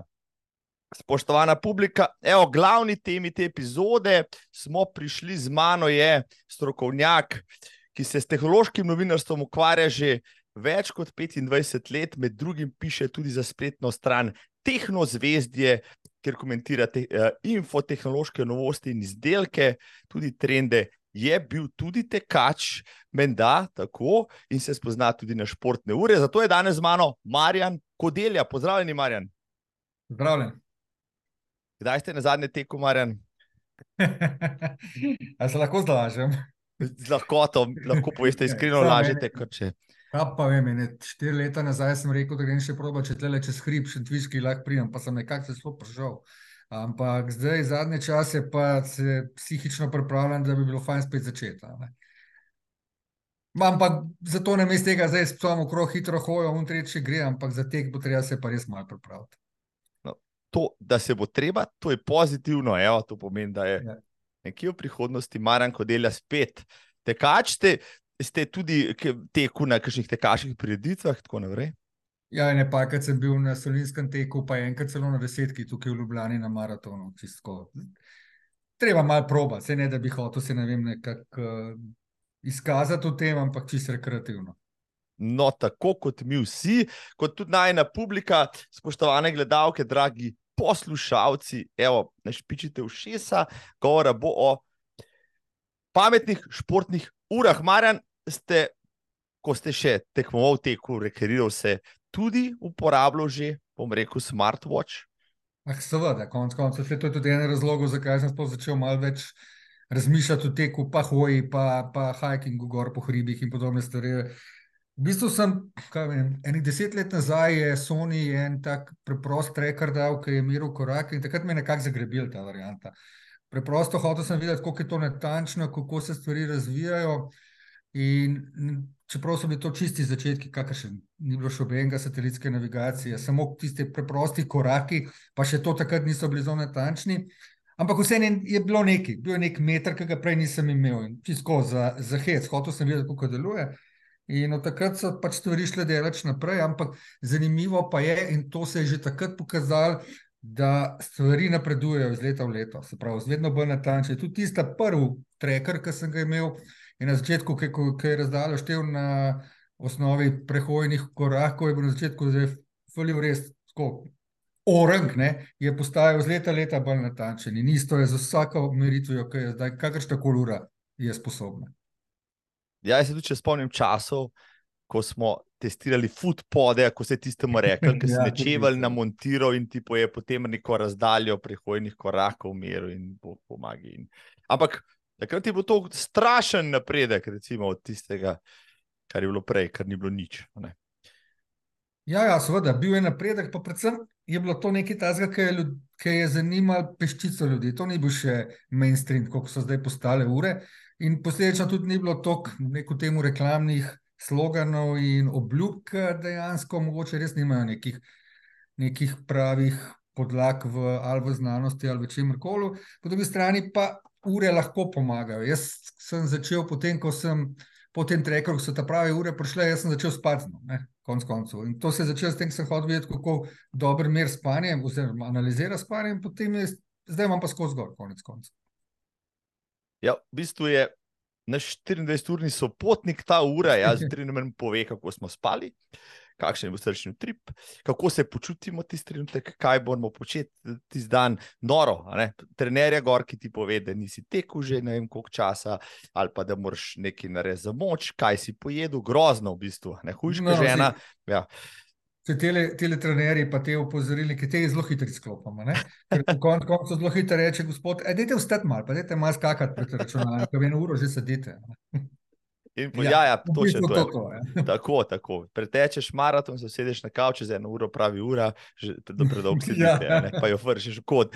No, uh, Marjan, dejva, dejva, pa se en, opredeliti, dejva, dejva, ko snovam to poslušajo tekači, ki praktično vsi imajo kos, rekel, opreme na zapestju, ki je vreden najmanj 200, še rajš pa precej več evrov, ampak v bistvu sploh ne uporabljajo vsega. Kaj pravzaprav je danes pametna ura, katere funkcionalnosti naj ima, da si tako reče. No, jaz zelo rad uporabljam besede pametne, povezane športne, kako meni je važno, da je to neka naprava, ki nekaj mera. Ne. Zdaj, važno je samo to, da mi je tisto, kar jaz želim, oziroma me zanima. Zelo radi, ti izdelovalci zelo radi nekako segmentirajo. Ta je pametna, zato ker ima več pametnih funkcij, bolj dela povezana s telefonom. Ta je športna, zaradi tega, ker je morda bolj usmerjena na športno metriko in poda neke podatke, ki imajo neko drugo osnovo, čeprav tudi une šport, eh, pametne ure trdijo, da tako isto delajo. Tako da smo prišli v tako majhno zmedo. Če, če gledamo čisto konkretno, meni je mhm. vseeno pomembno, recimo, pa to ne zaradi tega, ker bi ne vem, kakšne rezultate iz tega pridobil, ampak mi je fajn, če mi ura meri neke te osnovne zdravstvene podatke, kot je srčni utrip, pa, Mhm. kak, pa mogoče nasičenost uh, kisika v krvi, čisto. Bom rekel, ne bom rekel, da je to nekaj, kar bi res nujno potreboval, ampak je pa fajn to imeti. Potem so pa te čist, rekel, prave zgodbice, ki greš nekam na, eno, na en hrib, pa bi rad vsem zabeležil to pot, pravi, hitro si bil gor, koliko si nazaj prišel, ali pa v vašem primeru tek. Take stvari me zanimajo. Seveda, pri teku, pa pri športnih aktivnostih, ko prideš na, nek, na neko določeno raven, potem zahtevaš veliko več, ne, še določene analize, ne, neke nasvete, kaj narediti, koliko časa se počivati, rehabilitirati. In, tako, in mogoče, tudi, da ti predlaga, kdaj greš naprej. Ker konec koncev, ko sem še tekel s temi urami, to je bilo stalno tisto. Ne. Zdaj si po enem kilometru pretekel, ste en kilometr v tem pa tem ritmu, dajte zdaj malo hitreje. Ja, prav, ok, ne morem. ja, včasih, ja, včasih so kar naporne te ure, ampak ja, razmišljam sama, ne, katere funkcije, recimo, tekači, kot sem jaz, ali pa mogoče malo naprednejši uporabljajo na vsak način. Ja, višino mer, ja, tako višinski metri so zelo pomembni, recimo. Pa to, da so mape gor, da si lahko splaniraš pot, oziroma naložiš prednaloženo pot, pa greš po njej, oziroma spremljaš, kje si, če se slučajno zgubiš. Uh, recimo to, da ti na koncu pove, kakšen je po tej vadbi tvoj VO2 max, v vseh parametrih, ki si mu jih dal, in te spremlja že ne vem koliko časa. Pa koliko časa moraš počivati, je pa v bistvu že nekaj standardnega. Um, kako točni, recimo, so podatki, recimo, za višino mer danes? Naj bi bili kar že izpopolnjeni. Malo bi še, še navezal na prejšnjo vprašanje. Izvolje, izvoljo, prosim. Uh, še dve funkciji sta meni, meni osebno pomembna. Oziroma, ena je meni osebno, ena pa je marsikomu drugemu. Prva stvar je v tem, jaz nočem uh, ure pomniti vsak dan. To mi je nekaj Prav. totalno brezvezdnega. Ne? Čeprav tiste ure, ko, ki, ki jo vsak dan moram postaviti nekam, da se mi polne, ni, važ, ni važno, kje raznamka je. Se pravim izogibati, testiral sem vse, ampak vseeno. Po drugi strani pa mi prijatelji, pa še mar zaprav, da je pa prav fajn, če lahko z uro plačujejo. Tako NFC na Zdaj, uri. Ja, NFC, pa kartica noter, pa gremo, pa kjerkoli si lahko plačaš. Vse konc koncev se gibljemo v to smer, da bomo vse plačevali z nekimi brezgotovinskimi plačilnimi sredstvi. Zdaj pa gremo nazaj na tisto vprašanje, se pravi na natančnost. Ne? Pred kakšnim letom sem imel možnost v roke dobiti eno zelo tako resno raziskavo, kjer so raziskovali natančnost srčnega, optičnega merjenja srčnega utripa. No, če se spomnite, vem, pred kakšnimi petimi leti, ko je Sunto izdal Sunto 9 uro ven, uh, je bilo veliko govora o tem, ali so optični, srč, ti, optična tipala res dovolj natančna, oziroma ali uh, tekač potrebuje ta pod pasom, ta pravo, prsi, ja, tako, tako. prsni pas merilnik. Pas, tako, in seveda, jaz sem takrat probal boje in jasno, pač, pas je bil veliko bolj natančen. Vendar je potem iz leta v let prišlo do tega, da so optična tipala, kljub temu, da imamo različne kože, pod pogojem seveda zelo natančno, da je ura, koliko more biti na zapestju, postali izredno natančni. V teh raziskavah, ki sem jih jaz videl, pa so merodajniki, ker niso nič komercialni, ampak je bilo dejansko narejeno na, na, na potrošniškem nivoju, a, smo prišli do plus minus 3% od tistega, kar je dejansko res. Ne. Zdaj, ko mi je jasno, ko se pogovarjam z ljudem, so še neki problemi, pri tem, predvsem pri hitrem beleženju sprememb srčnega utripa, ampak konc koncu, čeprav tudi ne maram kaj preveč govoriti o umetni inteligenci, je pa ravno ta umetna inteligenca pomagala v tem, da iz teh signalov, ki jih tipalo, da te signale je pa veliko šuma noter, zna lažje izluščiti tiste podatke, ki predstavljajo srčni utrip. In dejansko srčni utrip je eno od tistih podatkov, ki je pri urih zelo, zelo napredoval v teh zadnjih nekaj letih. Uh, najbrž ni leto, dve mogoče nazaj, ko praktično noben resen tekač ni tek tečel, pa čeprav je mu dobro uro, brez tega pasu, ki ste ga omenili. Danes pravite, da potem ni več praktično potrebe, se pravi, so uh, ti pasovi uh, pod, uh, okrog srca, pod srcem praktično outdated. Ne bi se upal jih tega reči, konec koncev, nekatere ure imajo še vedno možnost. Jaz sem pravim, da je optično tipalo postalo po teh mojih, po teh raziskavah, ki sem imel dostop do njih, dosti natančno. Sicer pa mi je všeč, da ima neka ura obe možnosti, ker konec koncev se bo vsak sam odločil, kje je podatke, pa koliko so mu natančni. Vse ne na zadnje, konec koncev vsak tekač ali pa športnik ali pa tudi jaz konec koncev vidim. A, a, tist, a mi res to hitro dela srce, tisti trenutek, ko mi ura kaže, ali ne, ne. Ampak jaz bi rekel, da je tako, ne bo boja. Ne. Zakaj ne? Konec koncev pa še ena zgodba je. Zelo radi ljudje dajo ure na, na balanco, na krmilo bicikla, tam pa ne more optika nič narediti. Ne? Tako da, ja, ne bo bolj. Konec koncev ima tudi jaz eno tako uro, ne? to je sunto res, konec koncev ima tudi obe možnosti. Na katero še vedno lahko priklopite pas in imate še en stream podatkov, tako. potem pa ne, iz tega ven umetna inteligenca naredi pač tisto optimalno reč, ali kako pravite temu. Ja. Če so pri umetni inteligenci katere ure pa že imajo, bom rekel, to ugrajeno v svoj softver. No, če vprašate proizvajalce, vse, ampak če me ne vprašate, nobena. Zato, konc koncev, to gre za podatke, da umetna inteligenca tukaj pomaga nadgrajevati algoritem, ki je na uri. Ne, ne, ne deluje pa sama, mislim, kot taka umetna inteligenca na uri, čeprav pri zadnji Apple, mislim, da je Apple zelo jasno rekel, da manj, da Siri deluje na sami uri pri prepoznavanju ukazov in podobne stvari, kar se lahko spet razume kot neta umetna inteligenca, čeprav to je spet ena tista točka, v katero sem zelo skeptičen, pa je treba zelo pametno paziti, kaj se govori o tej stvari.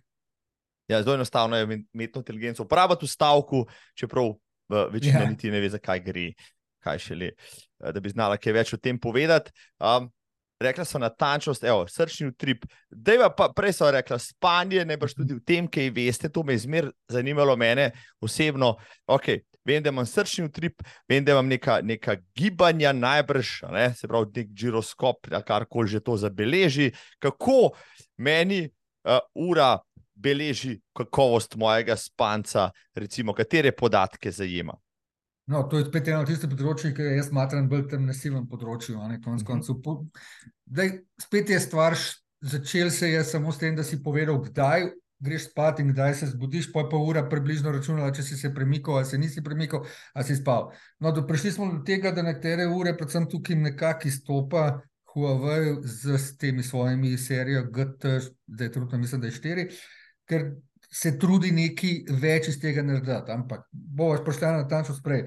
Se pravi, povem mi, recimo, koliko časa sem spal, uh, kjer, v katerih fazah sem bil, koliko časa sem bil v teh fazah, koliko sem se zbudil, zdaj me da celo do neke ene določene ure uh, spremljajo dihanje, pa znajo. Uh, uh, poslušati, če smrčiš ali ne smrčiš, da še to noter postavijo.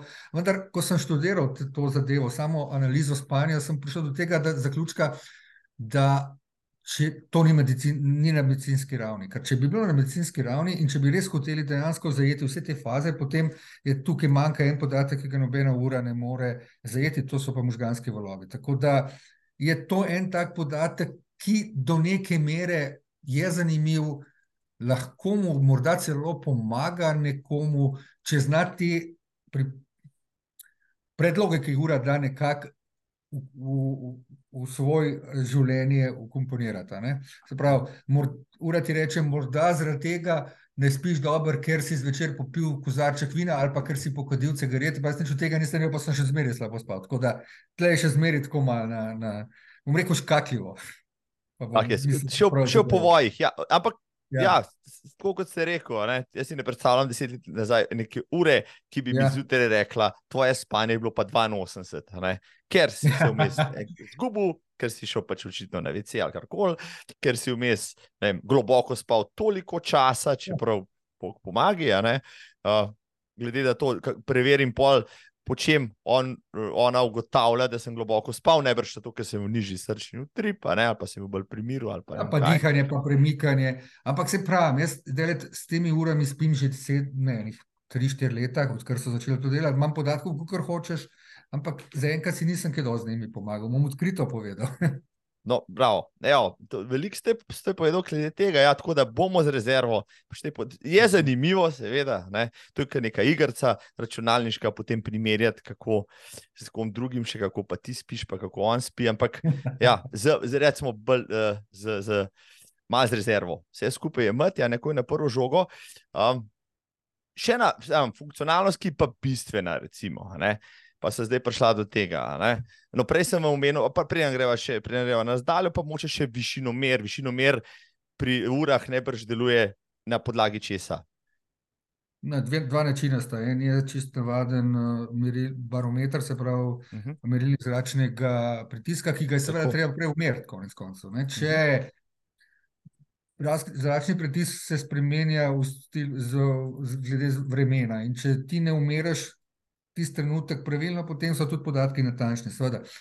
Druga opcija, ki tudi pomaga pri tem, je GPS. To pa, potem mislim, da predlagam, da kar tam na tem drugem delu dela, ker je to zelo povezano med sabo. Ampak te, ta dva podatka sta, uh, sama natančnost je pa odvisna od, tega, kar sem že rekel, da je treba višinomer uh, umeriti, še od marsičesa drugega.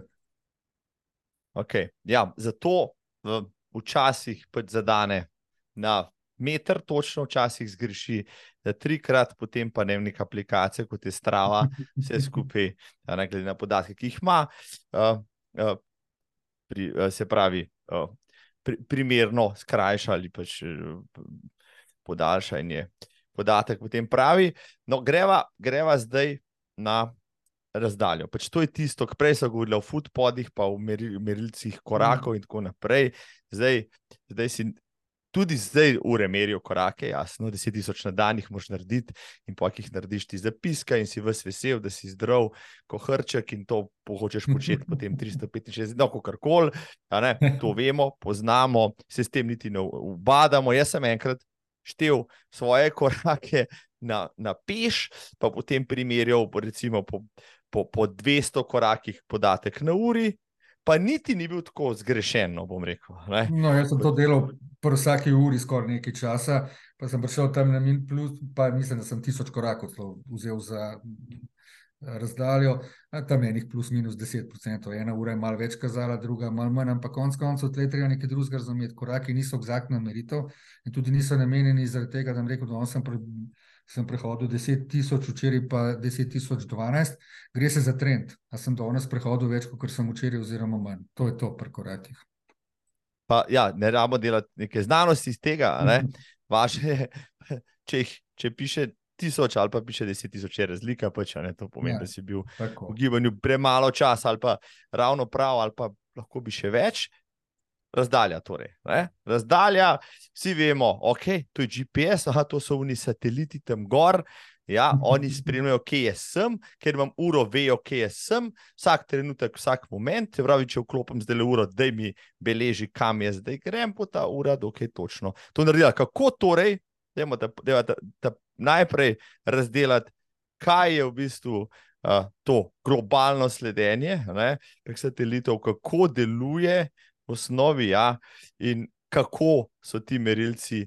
Kako točni so, kako so ugrajeni pač v, te, v te naše naprave. Kot prvo, nas nihče ne sledi, zato ker konec koncev sateliti so pasivni in sam podajo signal, ki ga ura sprejme in ura sama zračuna, kje je.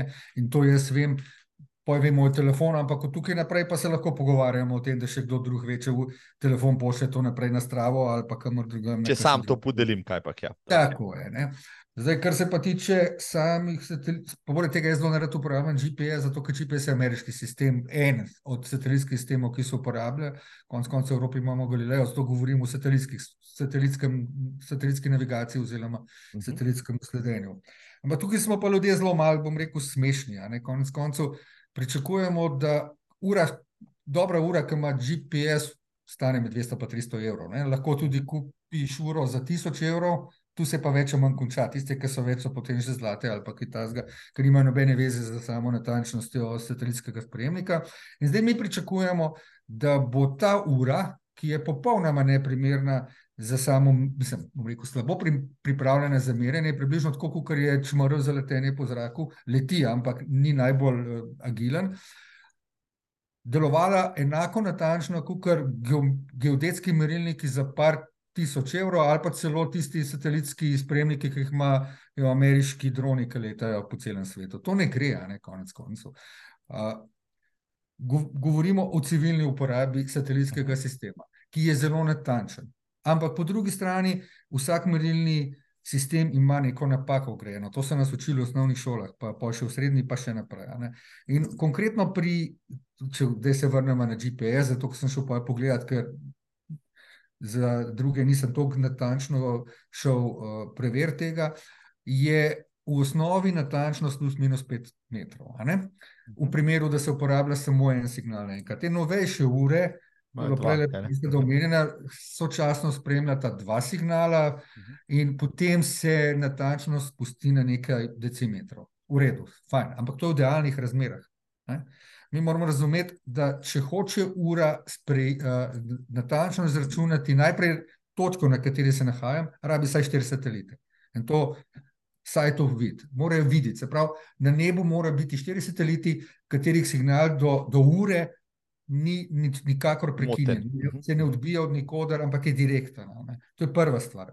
Če, ko smo že prej, prej govorili o višini meru, če hočemo natančno višino, rabimo še malo več satelitov. Se pravi, je že tukaj problem. Zdaj se mi nahajamo nekje v gozdu, uh, v soteski in imamo samo dva satelita nad glavo. Seveda ne- natančno spade. Ne? In tle isto velja v mestu. Se pravi, imamo nekako neka, neko razliko v sam, že pri tem, kakšne so te meritve. Jaz recimo sem veliko hodil tle na Šmarno goro, iz, eh, izpred, parkiral sem pri cerkvi dol, v Šmartnem šel po Partizanki na Šmarno goro, pa nazaj dol. In to sem meril enih 20 krat ali pa še večkrat. In vse, vse mislim, sled, sled je bila vedno približno enaka, malo levo, desno od poti, razdalje so bile pa tam nekje plus minus, ne, 10 centi, 10%. Ne?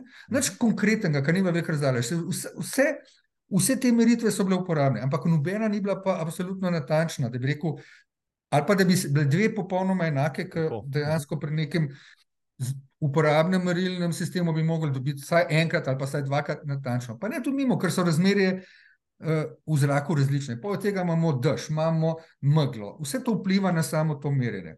Pa še nisem prišel do glavne zadeve. Namreč ura, jaz zdaj le imam takole, tako imam telefon, imam takole, ki se navigiram in to je zelo dober položaj. Tle antena, satelit zelo dobro pride. Ura, ki tečem, hodim skozi neki. Miga. Tukaj v zadku jo imam, je ima moten sprejem, tukaj ima natančen sprejem. In to je zelo težko iz tega narediti nek sistem, ki bo res meril absolutno natančen, oziroma je to nemogoče. In zaradi tega tudi jaz, ko mi nekdo reče, Apple ura, pa absolutno natančno mer karkoli, ali pa da, ali pa da reče, da je to Garminova, ali pa Suntova, ali pa karkoli se sam ne smejim, zato ker je toliko različnih stvari. Ja, so natančni, podatki so uporabni, ampak ne moreš pa tega primerjati s profesionalnimi meritvami, ali pa, kot ste rekli, pri samem teh tekaških progah, kot jaz vem, oni merijo s tem uh, kolesom merilnim. a ne. Tako je. In, Ja, in to je cel postopek. zdaj jaz verjamem v tisto. Ja. mhm. Tako, izvolite. Ja.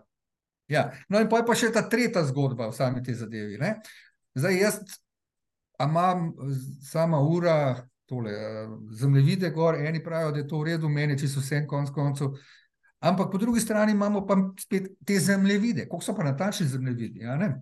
Se pravi, mi imamo neke Google Maps, recimo, da rečemo samo na teh, ker sem šel tudi to pogledat. In na samo zemljo je, gor, je sloj zemljevidov. In ti zemljevidi bi mogli biti vsaka točka usklajena z de- dejanskimi koordinatami. Mhm, mhm.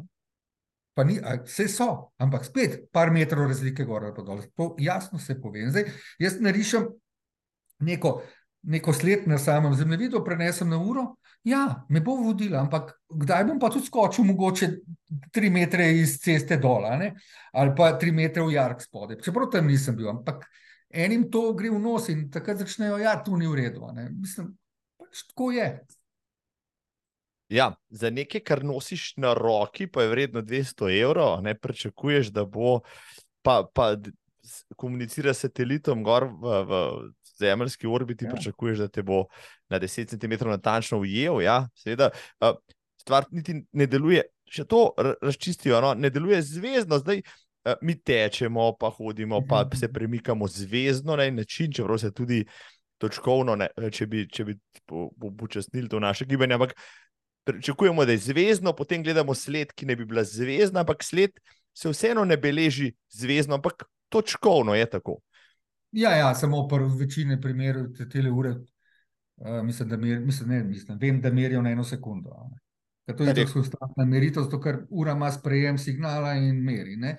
Ja, so določene ure, recimo, mislim, da je, da je začela to Sunto 9, ki je omogočila, da si nastavil interval meritve. Ne? Tudi to, recimo, si rekel, ne nočem eno sekundo, dosti mi je dve, na dve minuti, kar je čisto fino, če la, tečeš naravnost, če pa po krožni progi pa ne. Ampak v tem primeru se potem še za enkrat podaljša življenjska doba baterija, ker konec koncev satelitski spremnik je eden večjih porabnikov. Ja, tudi, tudi moja ura pa je med cenejšimi, ima funkcijo, ker lahko to natančnost zmanjšam ne, in prihranim na bateriji, pa posledično sprejmem, da pač moja sled ne bo tako rekel, natančna, kar mi je čisto vseeno, načeloma. Ampak, uh, ja, no, tisto, kar sem že prej omenila, še enkrat, da je to, kar mene včasih zmoti, pa imamo debato s kolegi tekači, tekačicami in tako naprej. Marsikdo prisega na svojo uro čez vse. In se je pripravljen tudi, bom rekel, uh, prepirati z organizatorjem tekaške prireditve, ki je vložil kar rekel nekaj denarja, uh, v to, da je progo pomeril z uradnim kolesom, ki je uh, natančna naprava, ki bo rekel 20 cm od roba ceste, zmeri na določeni temperaturi. Uh, V meter natančno, recimo 42 km, 10 km progo, če hočeva.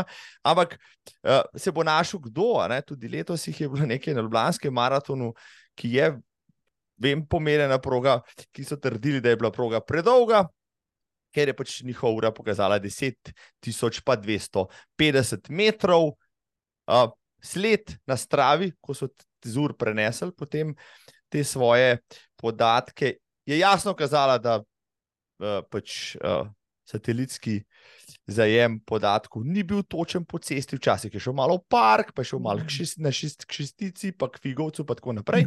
Ampak, ampak tekače to ni. ni uspeli prepričati. Ampak to je tisto, kar so že govorili. Ampak to je vedno, to je pri vseh. Zadnje čase se mi zdi, da je čisto na vsakem segmentu določena skupina, bom rekel, zanesnjakov, ki verjamejo v svoje izdelke, kar je, svoje, kar je po svoje tudi prav, ne konc konca, neka lojalnost. Ne. Sej, jaz zelo redko vidim, da, pa čeprav sem tudi to že videl, da so določeni ljudje presedlali z ene znamke na drugo, sploh te, te hudi tekači, pa ta hudi športniki. Več ali manj se držijo tistih svojih priljubljenih znamk, zato ker jih poznajo, zato ker jim zaupajo in to, to pač je tako. Tle nimamo kaj, okay, taki smo narejeni. Tako, to pravite, to je človeško. Ja, mm. zdaj, uh, jaz sem uspel skozi vsa ta leta bom rekel, spremljanja teh in tekačev sebe, pa organiziranja, pa primerjanja uradnih podatkov, pa podatkov z uro ugotoviti, da na čisto običajni 10-km progi je rekel, 100 do 200 metrov uh, viška ne, na, na sledi udure, normalna stvar, oziroma ne, če človek na uradni tekaški priditvi ne zabeleži na desetki več kot 10 km pa 100 metrov, potem je ta uradno najbrž prekratka. Ja, bo, bo kar držal, jaz mislim, da je to čisto redo. Tako, ja. Ker med korono smo veliko tekli virtualno, se pravi, smo si sami risali svoje trase. In ko si pretekel vem, 42 km, pa 200 metrov, si uro ustavil, čeprav si se zavedal, ne, da v realnosti ta proga morda ni bila tako dolga, ker si pač, ker ti je, ker ti je pač satelit dodal. Ja, ampak, spet, ampak, spet, ampak spet smo pri trendu. Ne? Vsak dan si to pretekel. To je pa druga stvar. Tako, tako. Si, par metrov gor ali dol. Ja, ja, točno to. Ne? Gre za trend. Ja, ja mislim, tu, so, tu so pač puristi, ne, to tisti, ki jim je ta 42,195 zelo pomembno, in so potem, seveda, javno tudi razpravljali, da so ti podatki eh, pi, eh, vredni. Eh, Eh, za piško oreh, ampak kot pravite, jaz sem rekel, ne gleda se takim. Pač zadevam v zobe, par metrov gor ali pa dol, ne bo nobenega konec. Ja, um, tako da, dragi tekači, vem, ne metati uro tla v cilju, če vam pokaže 10.200, ja, na, uradni, na uradni progi, tisto šteje, kar je rekel organizator. Ne? Če ne si pa še enkrat poslušate tale podcast, pa pogledajte vse skupaj, pa pa boste mogoče mečem bolj pomirjeni. Ja, pa bo ali ura meri tudi uh, uh, zdaj že po novem najbrž um, uh, srčni pritisk. Ja? V bistvu enega, ampak to zahteva umirjanje na vsakih 28 dni z manšetnim domačim merilnikom. To probal sem plus minus 12% na visokem, ne, ne, ja, na visokem, pa mislim, da plus minus 6 na nizkem pragu, ampak um, ni še to tono. Ni še. Ne Je pa to, Ja. je pa pritisk, pa merjenje, oziroma ne bom rekel merjenje, ker to je nemogoče, ampak ocena srčnega sladkorja, tisto, oziroma krvnega sladkorja, tisto, na katerem se zdaj ne več dela, oziroma ne več govori. Kaj pa bomo pa še videli? Uh, s kakšno tehnologijo bo ura beležila srčni uh, krvni sladkor? Vse dela na isti način, tudi krvni pritisk z optičnim medsrčnim utripom, merilnikom, no, z tem optičnim tipalom, ki je že zdaj gor. Ta bo Nisem rekel, da je merjenje, zdaj sem rekel, da je ocena. Zdaj za ocena. Ne, ne vem, zaradi tega, ker še nisem videl. Videl sem krvni tlak, to sem probal. Videl sem tudi uro, ki ima napihljivo manšeto, tukaj, Manšeto, ne, tako. primer. Uh, pa je klasična taka ura, sem pravi, malo bolj nerodna, ker je pač pašček toliko debelejši. Glede tega krvnega sladkorja pa žal.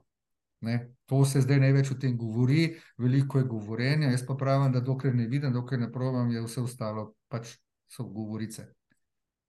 ja, to, to bi bila pa res prava revolucija. Ja. Ja. Ja. To- To bi pa bila revolucija, da ne rabiš se več niti špikati, ne? samo še gor si daš uro in ta s svojim zelo natančnim merilnikom, so tisto rezistenco, pove, koliko cukra ti šprica po krvi, tisti trenutek. Vrhunsko. Prva liga. Čakamo to, za konec, spoštovani Marjan, močeš samo še povedati kaj o. Kaj trendira zdaj tam zunaj, kaj je vroče, Apple Watch, Garmin, Soros, uh, um, uh, kaj je še Sunto, kaj so še rekli, kaj je tistega, kar je na, na trgu Ma, in je. Ne bi, da reklame delate malo zopor, ampak če tako le pogledamo, imamo Apple, Samsung, Huawei na strani proizvajalcev samih telefonov, Mhm. vsaka ima svoje prednosti, pa vsaka ima tudi svoje slabosti, to dobro delajo in tudi kar se tiče športnih aktivnosti, mislim, da to dobro beležijo. Na drugi strani imamo pa Garmin, pa Sunto, pa Polar. a ne. Ja, sem, pa verjetno še kaj, kar sem že pozabil, ker se tudi se mi že meša. Ja, so še Xiaomi, pa, pa kaj sem, pa, tale, kaj, pa, ga, pa nekaj tudi Google zdaj dal ven, ampak to ni prišlo do nas še. Ampak dejstvo je, da je, če pogledamo samo ponudbo na trgu v Sloveniji, kar se ur tiče, zelo pestra. Tako da jaz mislim, da vsak najde tako. Ker konec koncev ne gre samo to, kako ura mer, ampak tudi kako izgleda. Ker imeti zdaj eno uro samo zato, da jo bo imel za rekreacijo, pa tudi butasta. Ne? Ker do, se praktično so danes že vse ure toliko, tako lične, da jih lahko, pa itak Tako. se jim zatemni že ekranček, pa tako naprej, ne, da, da praktično jo lahko prodaš kot neko casual Ja. uro ali kako. Ja. Pa si to počnemo skozi, a ne konec koncev. Tako da nobeden, da smo vsi smo športniki, ali pa nismo, ali pa noben ne ve več, kaj smo. Ja, Fejkamo, da smo športniki, kot sem rekel, da imam športno uro, a, ne, pa lahko rečem. Pa še kakšne zapise na telefonu stare, pa lahko rečem, le kaj sem delal. Se Pravi, ja, e, jo bo pa treba krstiti, očitno se ste rekel, tež bo te šel malo Ja, bo treba. Ja. Bo treba. Potreba. Potreba. Že zaradi tiste analitike, ki je na uri tako, uh, uh, zdaj že eh, eh, široka, globoka, tam lahko gledaš, rekel, povprečne čase, posamezne, č- posamez, posamezne kilometrske, sekundne intervale, vmes, kako hitro, v kateri coni si tekel, pa koliko je bilo naklona na gor, na dol, mislim, noro, noro, noro. noro. Um, Marjan Kodelja, uh, hvala za, za, za vaš čas. Tole je bil zelo poučen pogovor. Se mi zdi, da sva razjasnila mogoče par stvari, ki jih tekači tam zunaj o svojih urah še niso vedeli. Um, zdaj, nekomu, ok, začetniku, ki gre zdaj, ali pa rečemo tekaču, ki ne pozna tam tega sveta, pa bi mu dal na svet, kaj naj vpraša, recimo, prodajalca, ko gre kupiti tekaško športno uro, recimo, kaj so glavne stvari, ki jih pač ta ura ima, mora imeti, da vse ostalo zanemarja. No, jaz mislim, da najbolj pomembna je sama baterija, potem so pa tudi teža, konec koncev, ko- čim za tekače mora biti, kot jaz vem, čim lažja ura. Za ostale podatke pa več ali manj, jaz ne bi kaj preveč kompliciral, ker več ali manj vse ure imajo zelo podobno nabor funkcionalnosti. Celo imajo nekatere neke šport, take športe, kot je beleženje joga, joge, pa cestnega plesa, pa ne vem česa še, to se pravi, kdo hoče. Ampak konec koncev ne, ne, ne zanemarimo tega, da more, pa, čeprav je še tako butasto slišati, ampak ura ti mora biti všeč, da jo nosiš. Če ne, jo ne. Ja, in zdaj bi lahko de nadaljevala najmo debato o tekaških majicah, o tekaških copatih, ki, vse, ki imajo vsi ja, pač isto, ja, ključno lastnost. Ja. Pa še ura mora pasati zraven majice, pa zraven čevljev, da smo že si nejasni. Ja, to pa, to, to pa sploh. Da, da je bilo to sploh. Da je vprašanje. to, to je bilo ja, čisto retorično. To je ak prvi axiom. Ja, številka ena. Maranko dela, hvala lepa za vaš čas, lep večer, še naprej in srečno na vaših tekaških podvigih. Hvala, enako. Adijo. Adijo. Hvala, Marjan. Čisto za konec pa še knjiga in film tedna. Po, po dolgem času knjiga v angleščini, ja, ni še prevedena, sveže je letošnja. Visher the Sun je naslov avtorice Sarah Gerhardt, knjiga pa o Patriku Sangu, olimpicu in medalistu Stipalčesu, ki je postal eden najbolj cenih trenerjev dolgo progašal v zgodovini. Človek, ki je naredil Eliuda Kipčogeja, Jeffreya Kamvororja in Fate Kipjegon, se nam uh, v celoti razkrije v tej knjigi. Njegova holistična filozofija razvoja tekača skozi leta in še mnogo zanimivih uvidov v vrhunski tek. Sara Gerhardt, Visher, The Sun. Dobite jo na Amazonu. Pa še film tedna, takole za dolge zimske noči, nekaj tekaškega. Budija sin, ki je bil star komaj tri leta, ko ga je z ulic uh, Baba Našvarja v Indiji potegnil lokalni trener Juda Birjanah Das. Tečko taki je pokazal nevreten talent za tek in tudi željo za njega, je trener upeljal v zahtevne treninge in poba je do petega leta pretekel že nevrjetnih 50 maratonov. Kontroverzna zgodba o dečku, o talentu, o izkoriščanju, o upanju in življenju. Ja, Buda Singh, Born to Run, film na voljo tudi na Netflixu. Hvala za ta teden vsem, ja, uživajte v zimi, zaščitite svoje dihalne poti in se ne sekirajte zaradi ur. Se vidimo k malu. Jauza. India का ये सपना बुधिया पूरा करेगा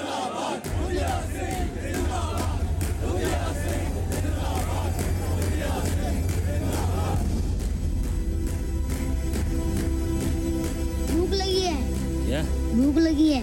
इधर खाना देता हूँ तुझे। खाना चाहिए इसको। इतने छोटे से बच्चे को उसकी माँ से अलग रखना ठीक नहीं है। इतना सा खाएगा। खाने की बात नहीं है जगह कहाँ है? ऑलरेडी इतने से रूम में बाईस बच्चे हैं।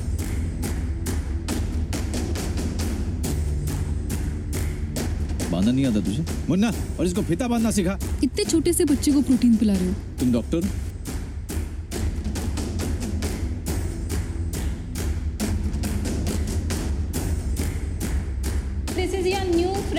बुधिया बोलो बुधिया सुबह से क्या किया बेटा? भगा और भगा। देखिए ये सातवां राउंड समाप्त कर दिया है। बुधिया ने 25 किलोमीटर की ये दौड़ एक प्रोफेशनल एथलीट की तरह पूरी कर ली है। What do we think of India's forest camp? Budhiya हमारे ओडिशा का गौरव है। After completing 48 full marathons, Budhia has now set his eyes on the Guinness record. 2016 के ओलंपिक को नज़र में रखते हुए हमने ये डिसाइड किया है कि बुधिया पूरी से भुवनेश्वर मैराथन दौड़े। You are talking about a five year old kid 50 degree Celsius sir ये बड़ी रिस्क नहीं है। नहीं कोई रिस्क नहीं है। आपने सर, उसका कोच लगता बुधिया से उसका बचपन छीन और आपके सारे सवालों का जवाब बुधिया 70 किलोमीटर दौड़ के देगा।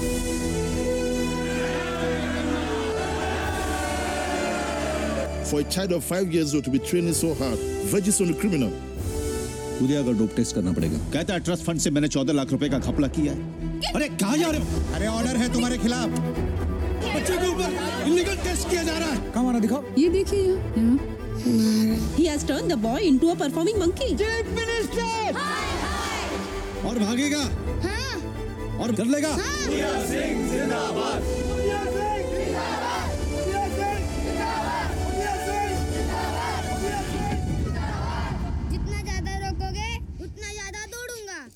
जितना ज़्यादा रोकोगे उतना ज़्यादा दौड़ूँगा।